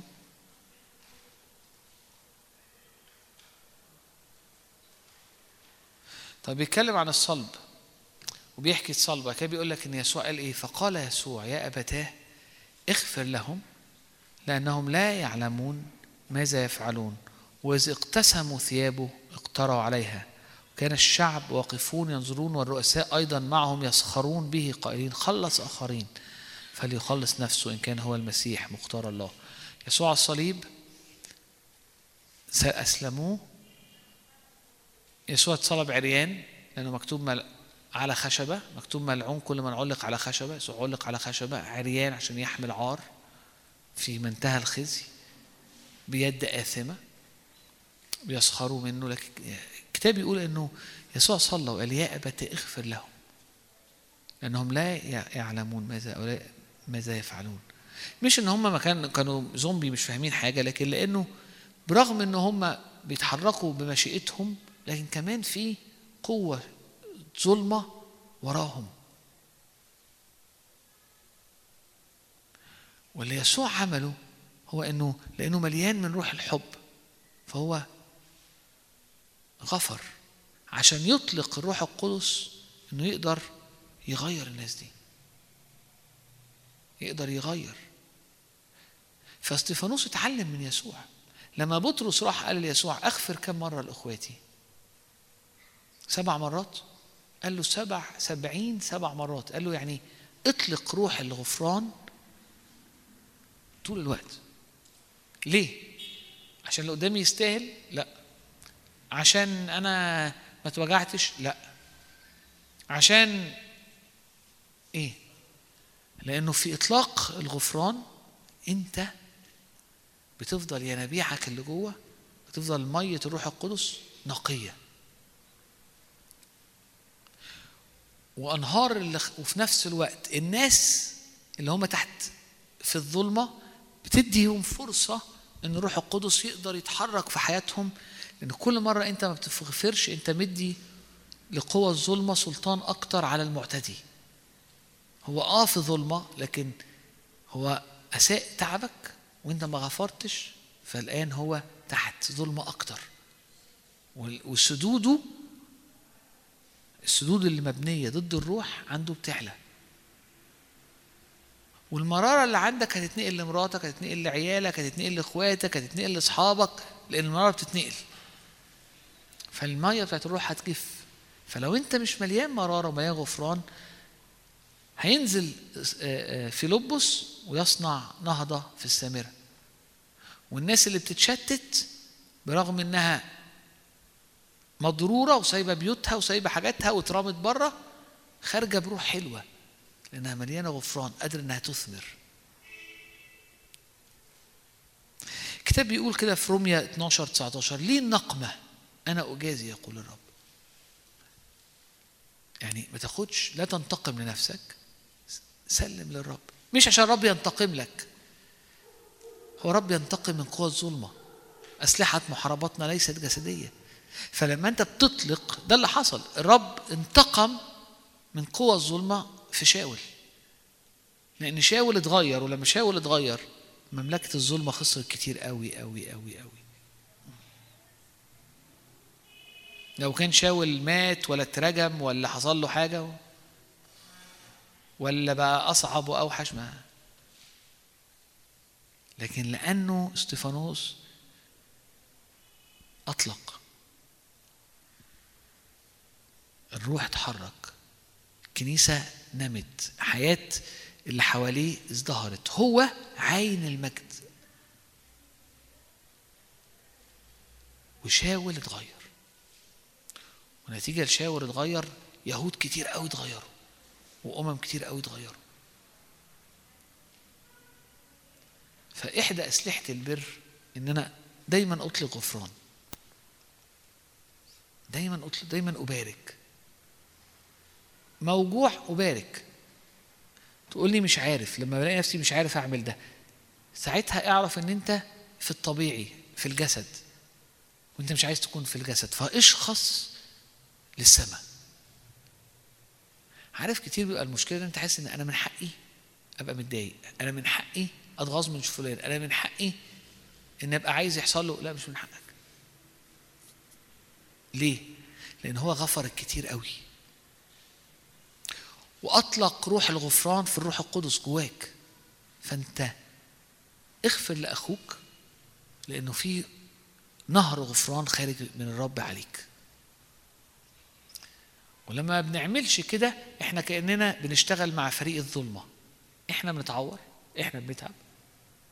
الكنيسة بتتعب الناس اللي حواليها بتتعب. قوى الظلمة بتاخد رجل على حياتي على حياة اللي حواليا وعلى حياة الناس اللي تعبوني فيبقوا أكثر شرا وأكثر بعدا عن الملكوت.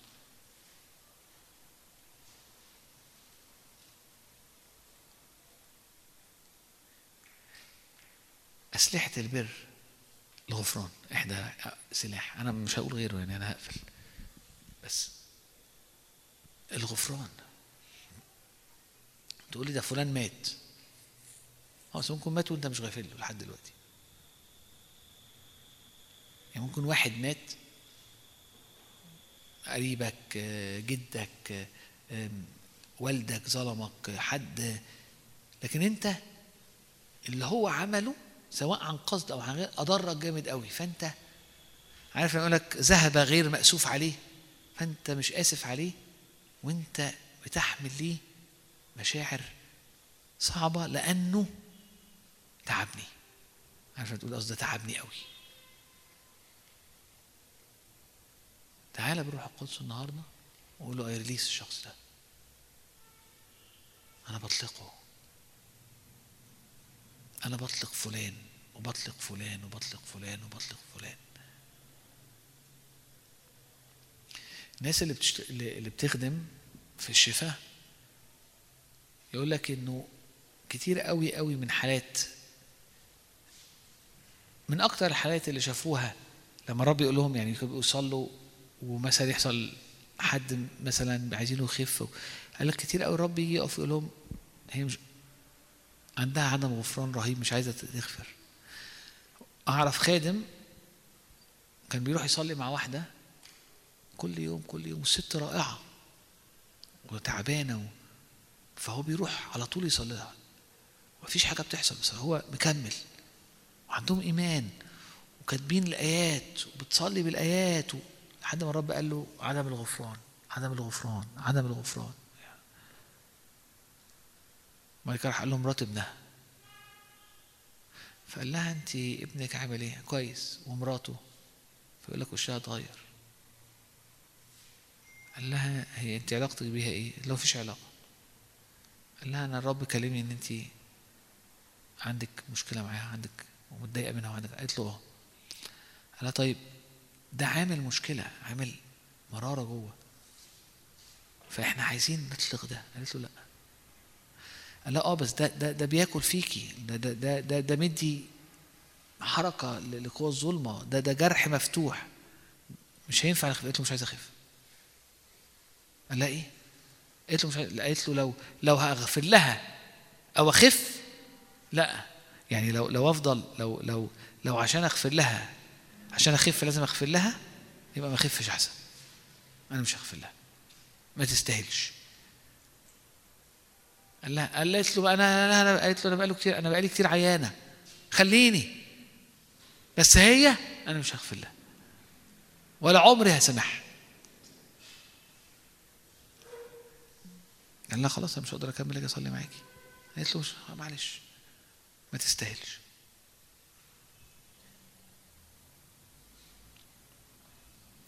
طبعا الراجل اللي بقاله قد كده عمال يروح يصلي ويرجع ويروح يصلي ويرجع و... الروح القدس بس عدم الغفران والمرارة لا عميقة. عميقة. ممكن يكون ممكن يكون حد من أهل جوزك أهل مراتك. ممكن يكون حد كنت بتشتغل معاه شريكك في الشغل. ممكن حد خطيبتك كنت أو حد كنت مخطوبة له أو حد كنت خاطبه. أو ممكن يكون شريك في الشغل. ممكن يكون مأمور ضرائب عمل معاك كذا. ممكن يكون مدير. ممكن يكون واحد بينافسك. عندي عندي حد في. كان كان بيشتغل معانا وبعدين غالبا قرر يعمل شغل زي بتاعنا فقدم استقالته وأنا عرفت إن هو عنده مصنع ما رضيتش أقول له حاجة يعني. فجه اديته حسابه كويس جدا ومشيته. فقال لي هروح المصنع ألم حاجاتي وكده. قلت له اتفضل. كلمتهم في المصنع قلت لهم بس ما حد ما تخليوش يخو يعني حد يبقى معاه. يعني من باب الاحتراز يعني. فراح المصنع دخل على أوضته. طبعا سابوه ما قعدوش معاه زي ما أنا قلت لهم. فدخل على الكمبيوتر نقل كل الملفات ومسح كل الملفات على الكمبيوتر بتاعه. ودخل على الكمبيوتر بتاع الجودة وراح مسح كل الملفات بتاع الكمبيوتر الجودة وسلم علينا ومشي. بعد ما أخذ حسابه بزيادة. لا وبعديها بشهر بيكلمني بيقول لي بص أنتوا كنتوا بتعملوا في المصنع التاني خزانات أنا كنت محتاج خزان مش عارف قلت له حضرتك تحت أمرك. طبعا ما بعتلوش خزان بس قلت له ماشي. اللي عايز أقوله إنه الطبيعي إن أنا أنا الطبيعي كل حتة فيها عايز تقول إيه؟ إن شاء الله ما ينجحش. صح؟ إن شاء الله ما ينجحش إن شاء الله ما بس بس في حاجة زي دي أنا لازم لازم أنا أبقى لازم أتوب لازم ما يبقاش ده اللي جوايا. لازم أشخص إلى السماء وأقول لا تحسب له. لا يحسب له. في الحياة اليومية مش ده الطبيعي. ده الروح القدس هو اللي فكرني. لأن أنا الرياكشن بتاعي مش إن لا يحسب له. يمكن ما شتمتوش وعملت كذا بس اللي هو إيه؟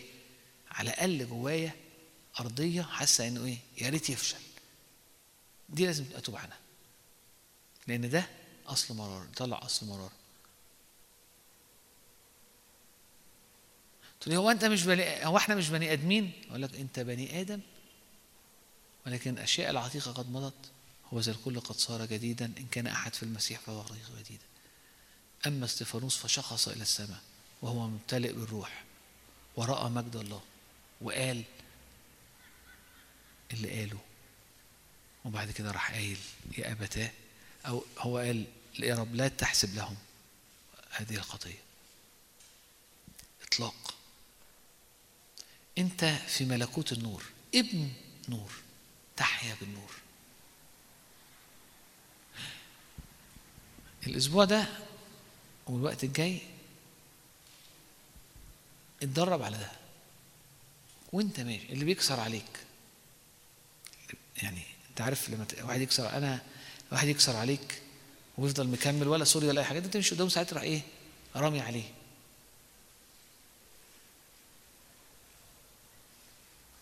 حتى في الحاجات الصغيره تعلم تريليس الناس. تعلم تطلق الناس.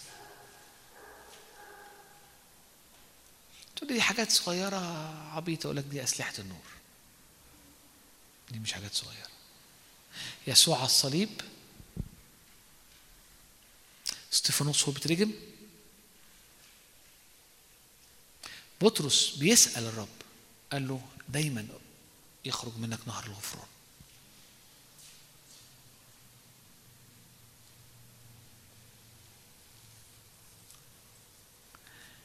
لأن إحنا بنصلي لأمور فيها ظلمة والأمور فيها تحديات.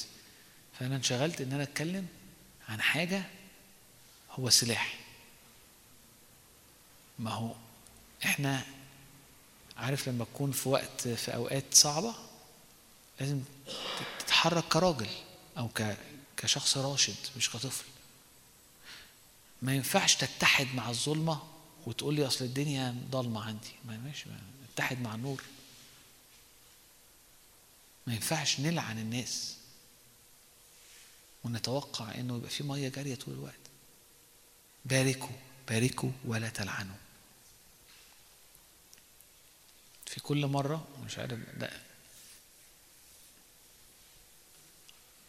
كل الناس اللي كان عندها اختبارات فوق الطبيعية شوية سواء ناس راحت اختبرت أرواح شريرة شافتهم أو وقت مثلا كانت في ناس زي ما انتقلت وشافت أرواح شريرة وشافت كده وبعد كده الرب رجع. يعني في كذا اختبارات لناس فوق الطبيعي.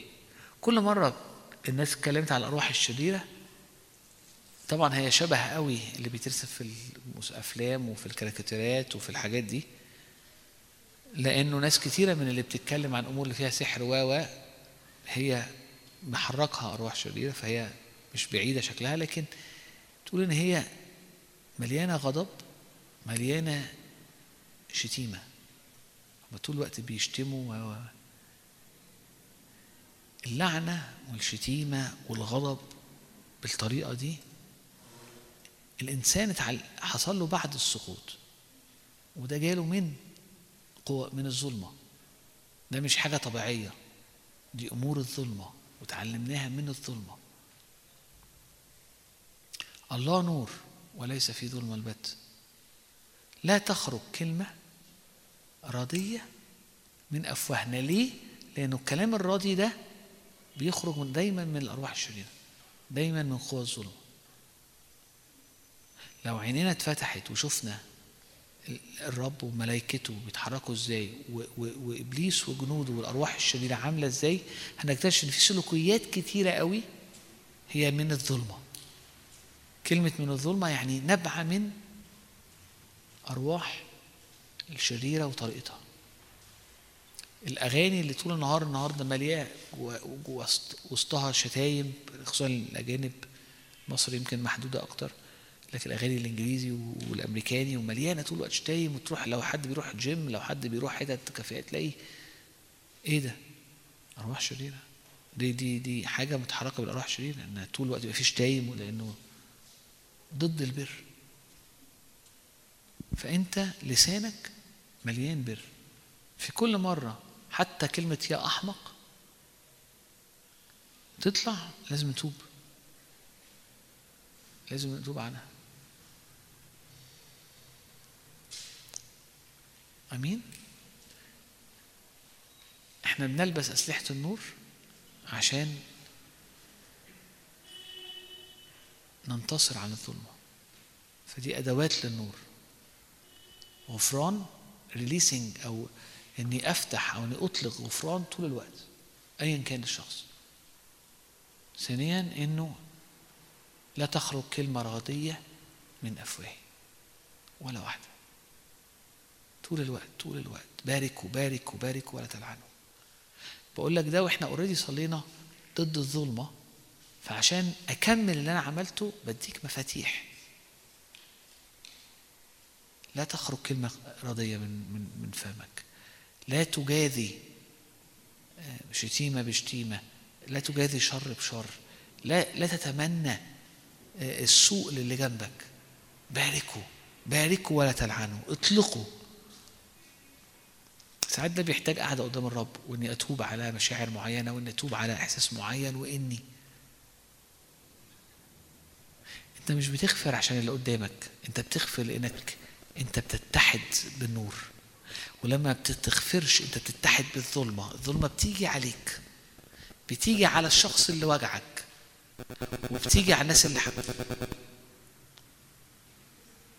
وبتيجي على الناس اللي حواليك. فانت تختار الفريق بتاعك. إحنا أبناء نور. نتحد بالنور. ونحيا في النور. صح؟ مش هو قال لهم كده؟ سيروا في النور. قال لهم كده. سيروا في النور ما دام لكم نهار سيروا في النور.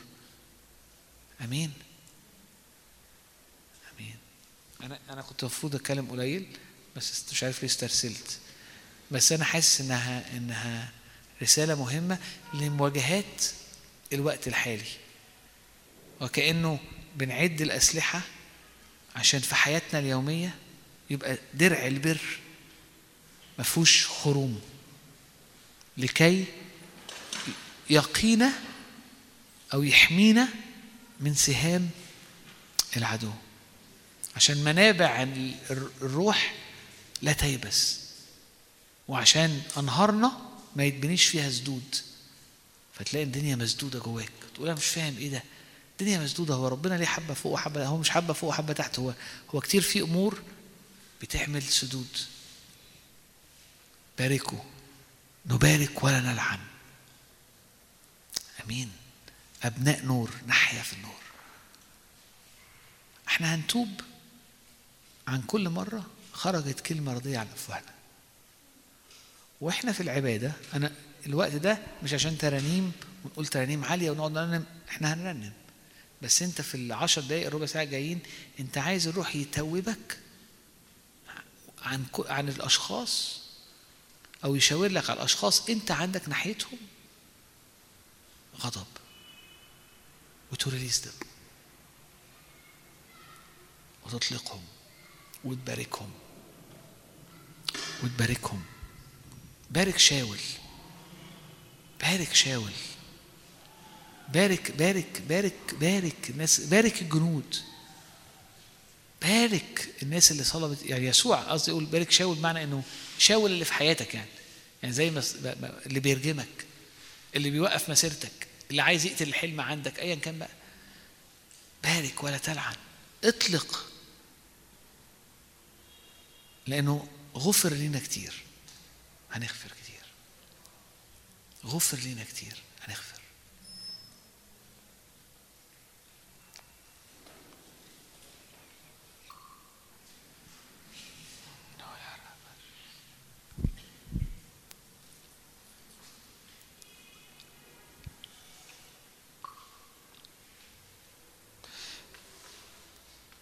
أنا جوايا زي صرخة كده إن إحنا إنه لا يا رب إحنا إحنا مش هنتغلب. أنت انتصرت إحنا هننتصر. والمؤمن مش بينتصر أو بيتغلب حسب مزاج ربنا إن ربنا النهارده مزاجه مش كويس فأنا حياة في حياة فلانة دي اتبهدلت لكن فلان حياته ما اتبهدلتش عشان مزاج ربنا كان كويس معاه لأ. اللي بيجاهد قانونيا اللي بيمشي بحسب الروح بطرق الروح بينتصر. والمؤمن اللي ما عندوش ده ما عندوش فهم وما عندوش معرفة أمور كتير في حياته المفروض إنها تعيش تنجح بتهلك. لأنه لأنه لأنه ما حبش المعرفة. لأنه ما طلبش الحكمة. لأنه ما ارتبطش بالحق. انتصارك ليه دعوة بقد إيه أنت بتيجي في حق زي ده وبتقرر إنك تحضنه إنك تتمسك بيه إنك تعيش بيه إنك تطلبه. فكأنك عارفين الألعاب بتاعت العيال اللي هي بيلعب فيديو جيمز فيجي له سلاح كأنه بيوصل لحاجة فياخد سلاح بقى معاه سلاح جديد. هي كده. أنت أنت دي أسلحة البر. فإن أنت تبقى شخص خلاص الرب اتعامل معاك وأنت طلبت وقعدت قدام الرب وابتديت تتدرب في إنك تطلق غفران غفران غفران سلاح غير عادي. في أراضي كتيرة لإبليس عندنا جوانا إن إحنا عندنا عندي مشكلة مع فلان لأنه ما احترمنيش لأنه ظلمني لأنه تعبني لأنه وحش معايا. من غير سبب. يسوع قال كده أبغضوني بلا سبب. وهو بقى هو بالنسبة له بلا سبب فعلا هو كان كامل وكان رائع وكان محب فهو بلا سبب. يعني يمكن إحنا واحد شخصيته مختلفة عني. فيبقى يعني سبب اختلاف في الشخصية سبب لكن هو يسوع كامل أبغضوه بلا سبب. خلينا خلينا نستغلى طرق الروح أسلحة الروح عشان ننتصر. لنختبر إرادة الله المرضية الصالحة الكاملة لحياتنا. قول كده جواك أنا لن أفشل لن أفشل. في حياتي الروحية لن أفشل. في حياتي العملية لأنها جزء من من من إنساني الروحي لن أفشل. في علاقاتي لن أفشل في حياتي لن أفشل في دعوتي لن أفشل. I will not fail. أنا لن أفشل. يا رب إحنا بنشكرك لأنك بتعلن لينا مش مش بنتكلم على الاجتماع لكن الأيام الجاية وخلال الكلمة أسلحة النور طرق الرب. تعالى وتوبنا تعالى وفكرنا تعالى وشاور على على على على ناس يا رب محتاجين نطلقهم.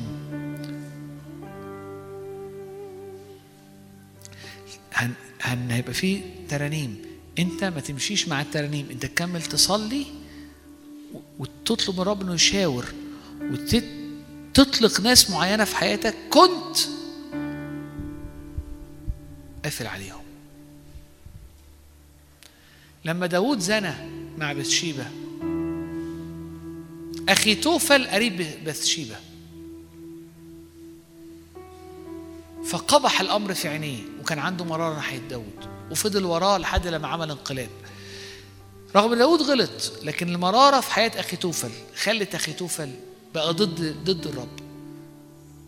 فبقى مع انقلاب ضد الرب مية في المية وضد تابوت العهد وضد والانقلاب فشل وفي الآخر أخي توفل. اتذل لأنه لأول مرة لم تؤخذ بمشورته وخرق وخ- وخنق نفسه.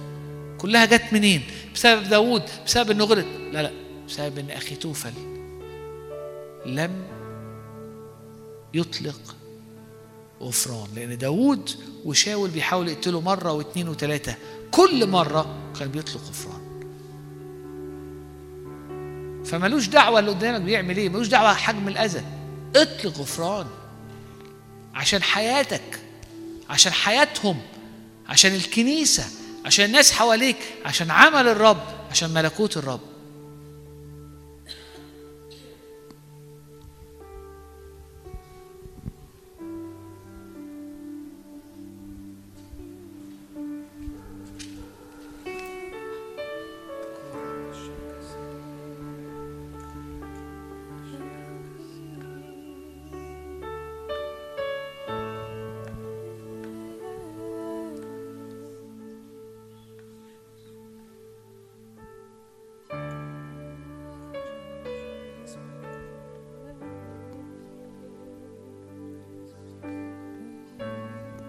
انت ما عندكش اعداء بشر.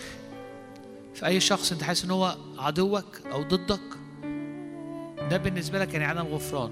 فكل شخص انت حاسس ان هو أضاد ليك عدو ليك حطه قدام رب قول له يا رب ده مش عدوي أنا مش ضده. ماليش ماليش بني آدمين أعداء. حتى لو ما بيحبنيش حتى لو بيرجمني I release him. أنا بطلقه أنا بطلق غفران ليه؟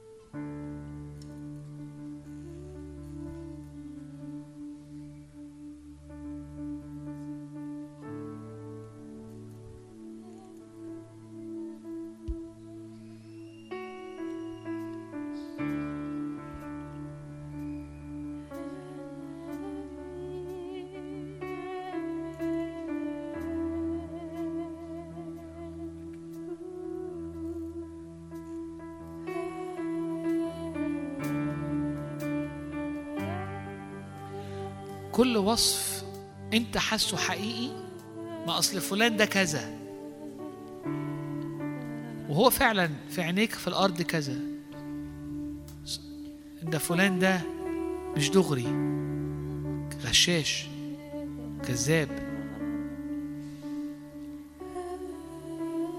ده ده ده ده ده, ده مش معناه إنك تقول حقيقة ده معناه إنك أنت بتتفق مع الوضع على الأرض وبتلعنه لأنه أكتر وأكتر هيبقى كذاب وأكتر وأكتر هيبقى غشاش. لكن فلان ده انت ممكن تقول ليكن له نعمة.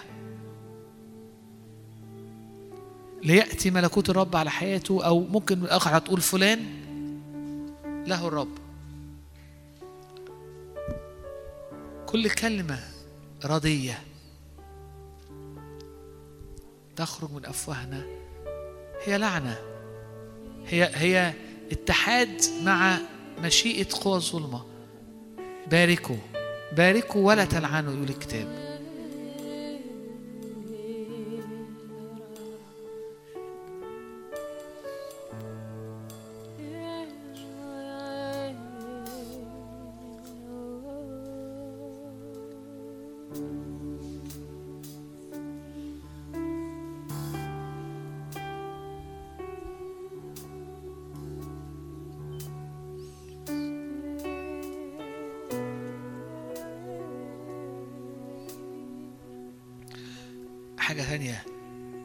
لما يوحنا ابني الرعد. لما اترفض يسوع قالوا له لنطلب نار تنزل. الناس دي رفضتك. ما قالهمش أنتوا غلط قال لهم أنتم لا تعلمون من أي روح أنتم. اللي بيتكلم الروح اللي, اللي خارجة منك إنك عايز تشوف الناس الوحشة دي بتهلك. دي مش دي مش الروح بتاعتي. أنا معاك وكل ده. دي مش الروح القدس ده مش الروح بتاعي ده مش أنا. ده مش العهد بتاعي. أنتوا أنتوا مش عارفين أي روح أنتم من أي روح أنتم. دول قالوا كده. استيفانوس قال له مش بقى عشان ما عشان ما قبلوش الرب لكن عشان بيقتلوا مسيح الرب. قال لهم لا تحسب لهم. لا تحسب لهم. دي روح المسيح. وهنا دي روح مش المسيح. دي روح تانية دي روح ظلمة. في شكل روحي إنه ما يزرعه الإنسان إياه يحصد. لازم يشوفوا نتائج أخطائهم ويجي عليهم فيتوب. أنت لا تعلم أي روح أنت. إيه الروح اللي بتحركك؟ أنت أنت مش ماشي أو مش متحد بروح البر بروح الرب. دي روح تانية خالص.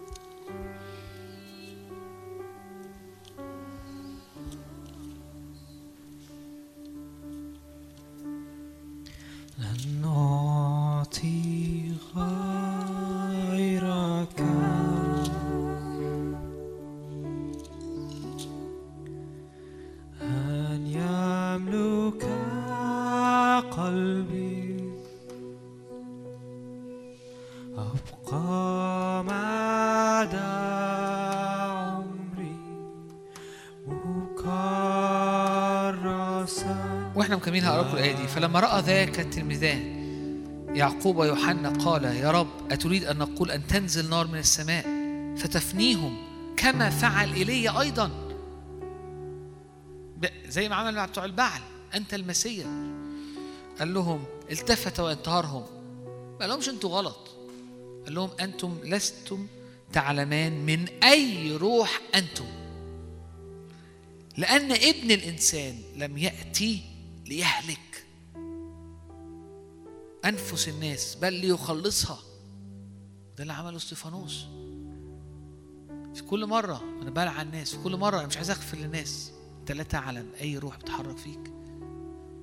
لأن ابن الإنسان اللي فيك لأن يسوع يحيا فيك لم يصلب ويأتي ليهلك حتى الأشرار بل ليخلص. وفي كل مرة أنت بتغفرش أنت بتحبس الناس.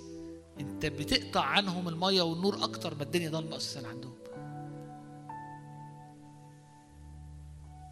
ليه النقمة؟ أنا أجازي يقول الرب.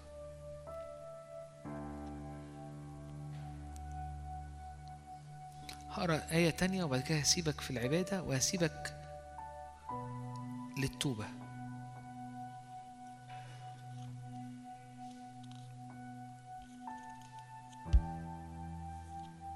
تهيألي رومية 12 وانت مغمض عينيك أو انت رافع قلبك هقرأ لك المقطع ده.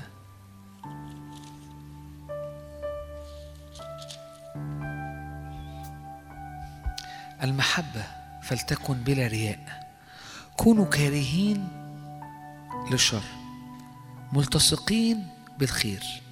والدين بعضكم بعضا بالمحبة الأخوية مقدمين بعضكم بعضا في الكرامة حرين في الروح عابدين الرب فارحين في الرجاء صابرين في الضيق مواظبين على الصلاة مشتركين في احتياجات القديسين عوز الناس عاكفين على إضافة الغرباء. باركوا على الذين يضطهدونكم. باركوا. ما لهمش مثلا إيه ابعدوا عنهم ما تلعنهمش. لا أنت كمان باركوا باركوا باركوا الذين يضطهدونكم.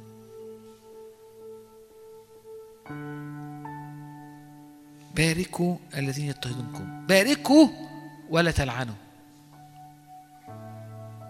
باركوا ولا تلعنوا. لا تجازوا عدد 17 أحد عن شر بشر. ليه؟ أبناء نور. أبناء نور. شاهد آه، رمية 12 من أول عدد تسعة. sorry. رومية خلي it's okay أنا مش لازم أطلعها. رومية 12 أنتوا عشان تعرفوه بس. معتنين بأمور حسنة. لا تنتقموا لأنفسكم أيها الأحباء أعطوا مكانا للغضب لأن مكتوب لي النقمة أنا أجازي إن جاع عدوك اطعمه إن عطش اسقيه لا يغلبك الشر بل اغلب الشر بالخير أجيبه منين؟ أجيب منين الخير؟ ومن ملئه نحن جميعا أخذنا ونعمة فوق نعمة. ونعمة فوق نعمة. ونعمة فوق نعمة.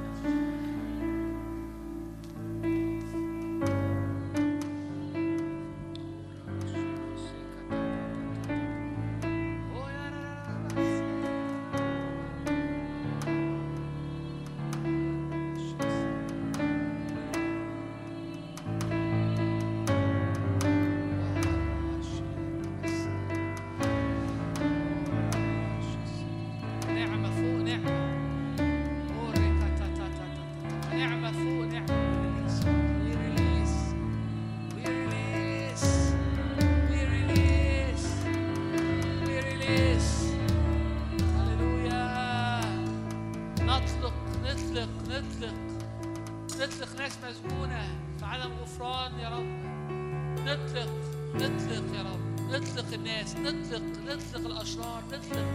نطلق نطلق.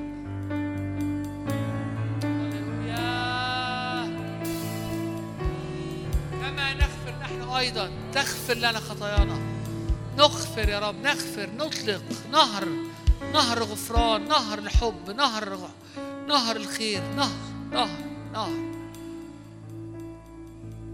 نهر يخرج نهر يخرج نهر يخرج. دي حرب روحية.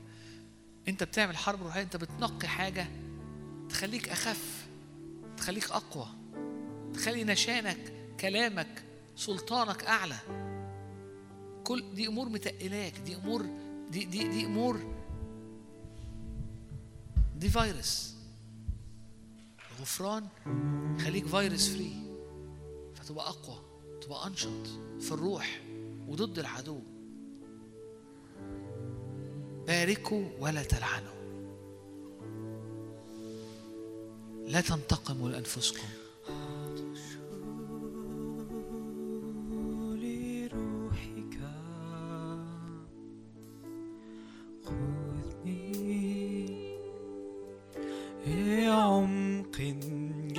جديد عطش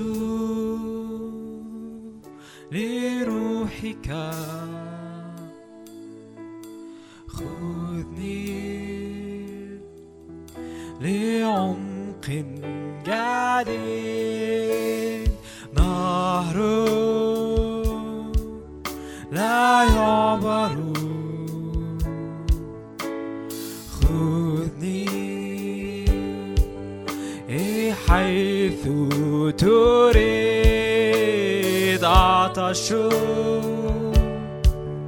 لروحك قودني لعمق جري نهر لا يعبر خذني لحيث تريد.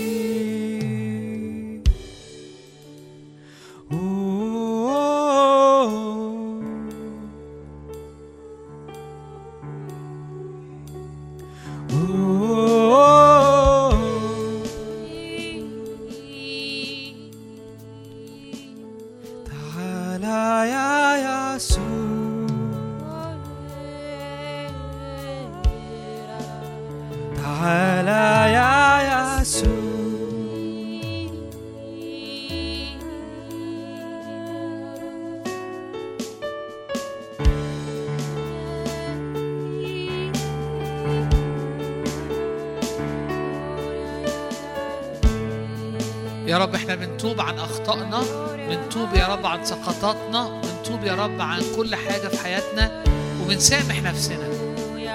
بنطلق نفسنا.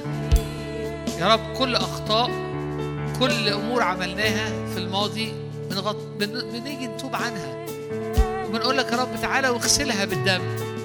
مش بنقول إنها إن إحنا بلا عيب لكن إن اعترفنا بخطايانا فهو أمين وعادل حتى يغفر لنا خطايانا ويطهرنا من كل اسم كل يا رب كلمة رضية كل عدم غفران كل إساءة كل يا رب مذمة كل يا رب أمور حصلت في الماضي كل يا رب آه، آه، ايا كان.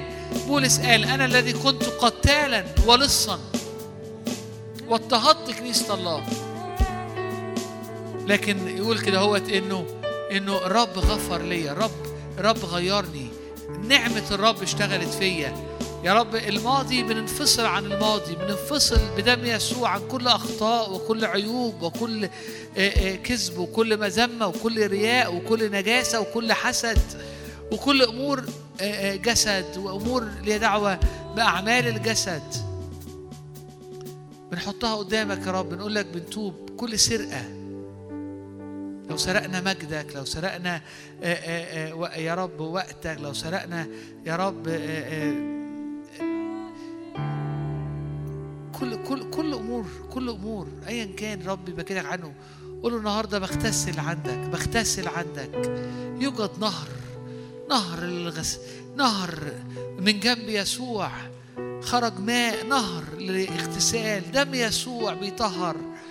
هللويا. ومياه الروح بتغسلنا. الذي غسلنا من خطايانا. الذي غسلنا من خطايانا. الذي غسلنا من خطايانا. اللي غسلنا من خطايانا يسوع المسيح الذي لنا بدمه الفداء غفران الخطايا. ما تخرجش من هنا عندك ذرة ذنب. ما تخرجيش من هنا عندك إحساس في أي حتة إنك أخطأتي وتعبانة بسبب اللي عملتيه قبل كده. لأنه دم يسوع يطهر من كل خطية. إن اعترفنا بخطايانا فهو أمين وعادل. حتى يغفر لنا خطايانا ويطهرنا. يعني بيغفر وبعدين أثار الميكروب يطهرنا من كل إثم. خطاياي أبعدتها لا تعود تذكرها. تطرحها في أعماق البحر لأنه دم يسوع. وهو مجروح لأجل معاصينا مسحوق لأجل أثامنا. تأديب سلامنا عليه. وبحبره شفينا.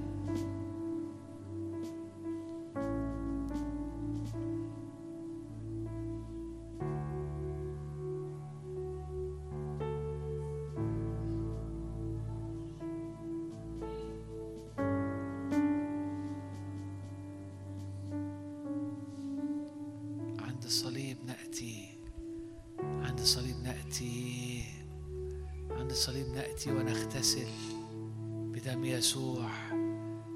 عند الصليب نأتي ونغتسل. عند الصليب نأتي ونتغير. تغسلنا من خطايانا تطهرنا من كل اسم. عند الصليب نأتي ونجيب معانا كل اللي جرحونا واللي تعبونا ونقول يا رب آه، آه، آه، ال- ال- ال- ال- ال- الدم بتاعك اللي خرج منك يدينا نغفر يطهرنا من كل مرارة. ومن كل عدم غفران من كل غيظ. عند الصليب cross at the cross آه.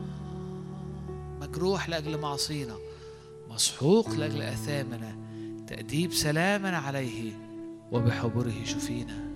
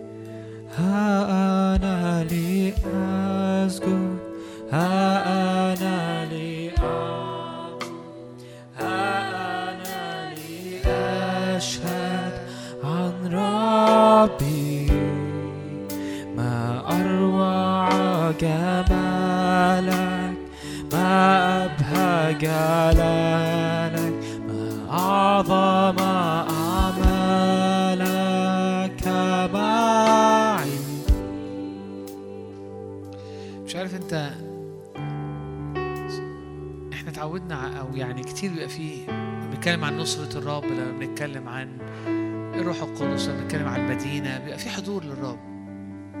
لكن كتير بيبقى في عمل وحضور وحاجة عميقة. لما بنتكلم في أمور ليها دعوة بالفداء ليها دعوة بالغفران ليها دعوة بال... بال... بالبر. ساعتها الروح القدس بيشتغل كتير عمل عميق قوي لأنه بياخد يخش جوه قوي وعايز ينظف ويطهر. أمور كانت عميقة وأمور حقيقية جدا. فأنا نفسي وأنت وأنت مروح النهارده. خليك في الحالة دي. حتى لو أنت مروحة وعندك الولاد لازم تعملوا سندوتشات وت... خليك من جوه في حتة إنه حتة ال... ال... ال... الاغتسال دي. ولو أنت مروح وينفع تبقى لوحدك. كمل في عبادة عند الصليب. لشفاء لغفران لاغتسال لتنقية. فاكرين لما يسوع قال إن الغصن اللي بيجي بثمر أنا بنقيه عشان يجيب ثمر أكتر؟ عشان تقولي أنا في حاجة في حاجة موقفاني أنا عايز في في حاجة عايز عايزة في حاجة عايزة تنتصر فيا في حد أو دواير عايزة رب النهارده بيتكلم عن أمور فيها تنقية عشان يعظم انتصارنا عشان حتت فيها قوة البر تزداد.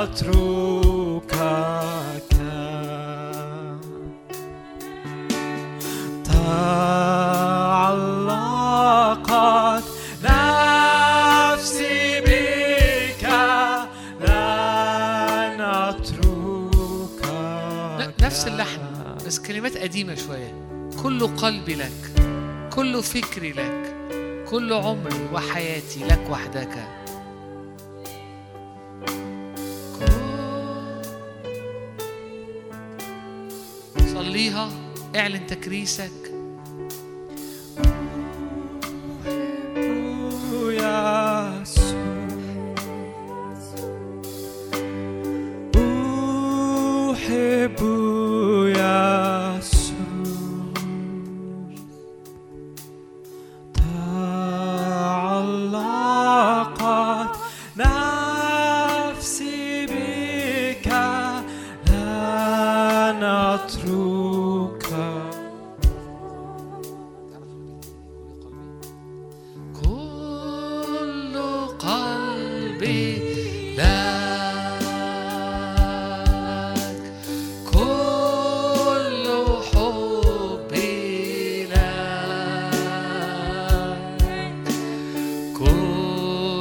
little eh? face.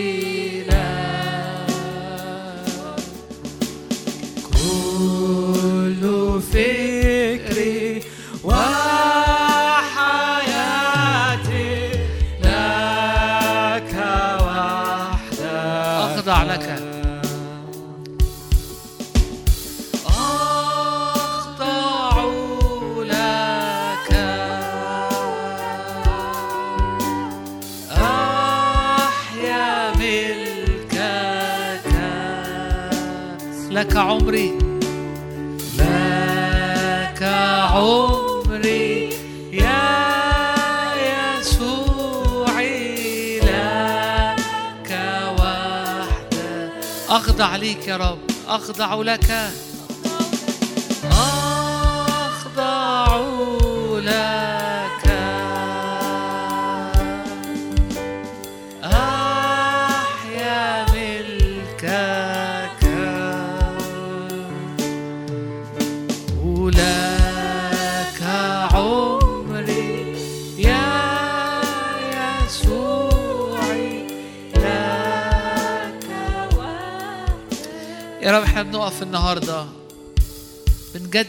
قاعدة معاك. عايزين نعيش ليك بقلب غير منقسم. كل قلبي كل فكري كل حياتي ليك. غفران كامل. بركة لكل الناس يا رب اللي حوالينا. نبارك ولا نلعن. قدس قلبي قدس أفكاري غيرني. غطسني في حقك كلامك هو حق يا رب.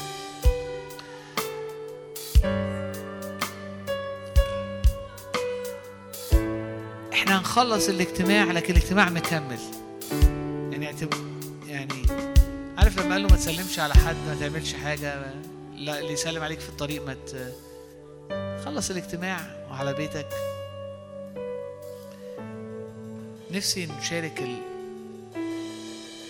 نشارك اللي اتقال النهارده على الجروب حتى لو حد لو لو كتبنا. إحنا إحنا نحتاج إلى درع البر ونحتاج إن إحنا نعيش حياة مليانة بر عشان ننتصر. خلينا نختم بالكلمات دي. كل قلبي لك كل عمري لك كل فكري وحياتي يا رب ليك وحدك.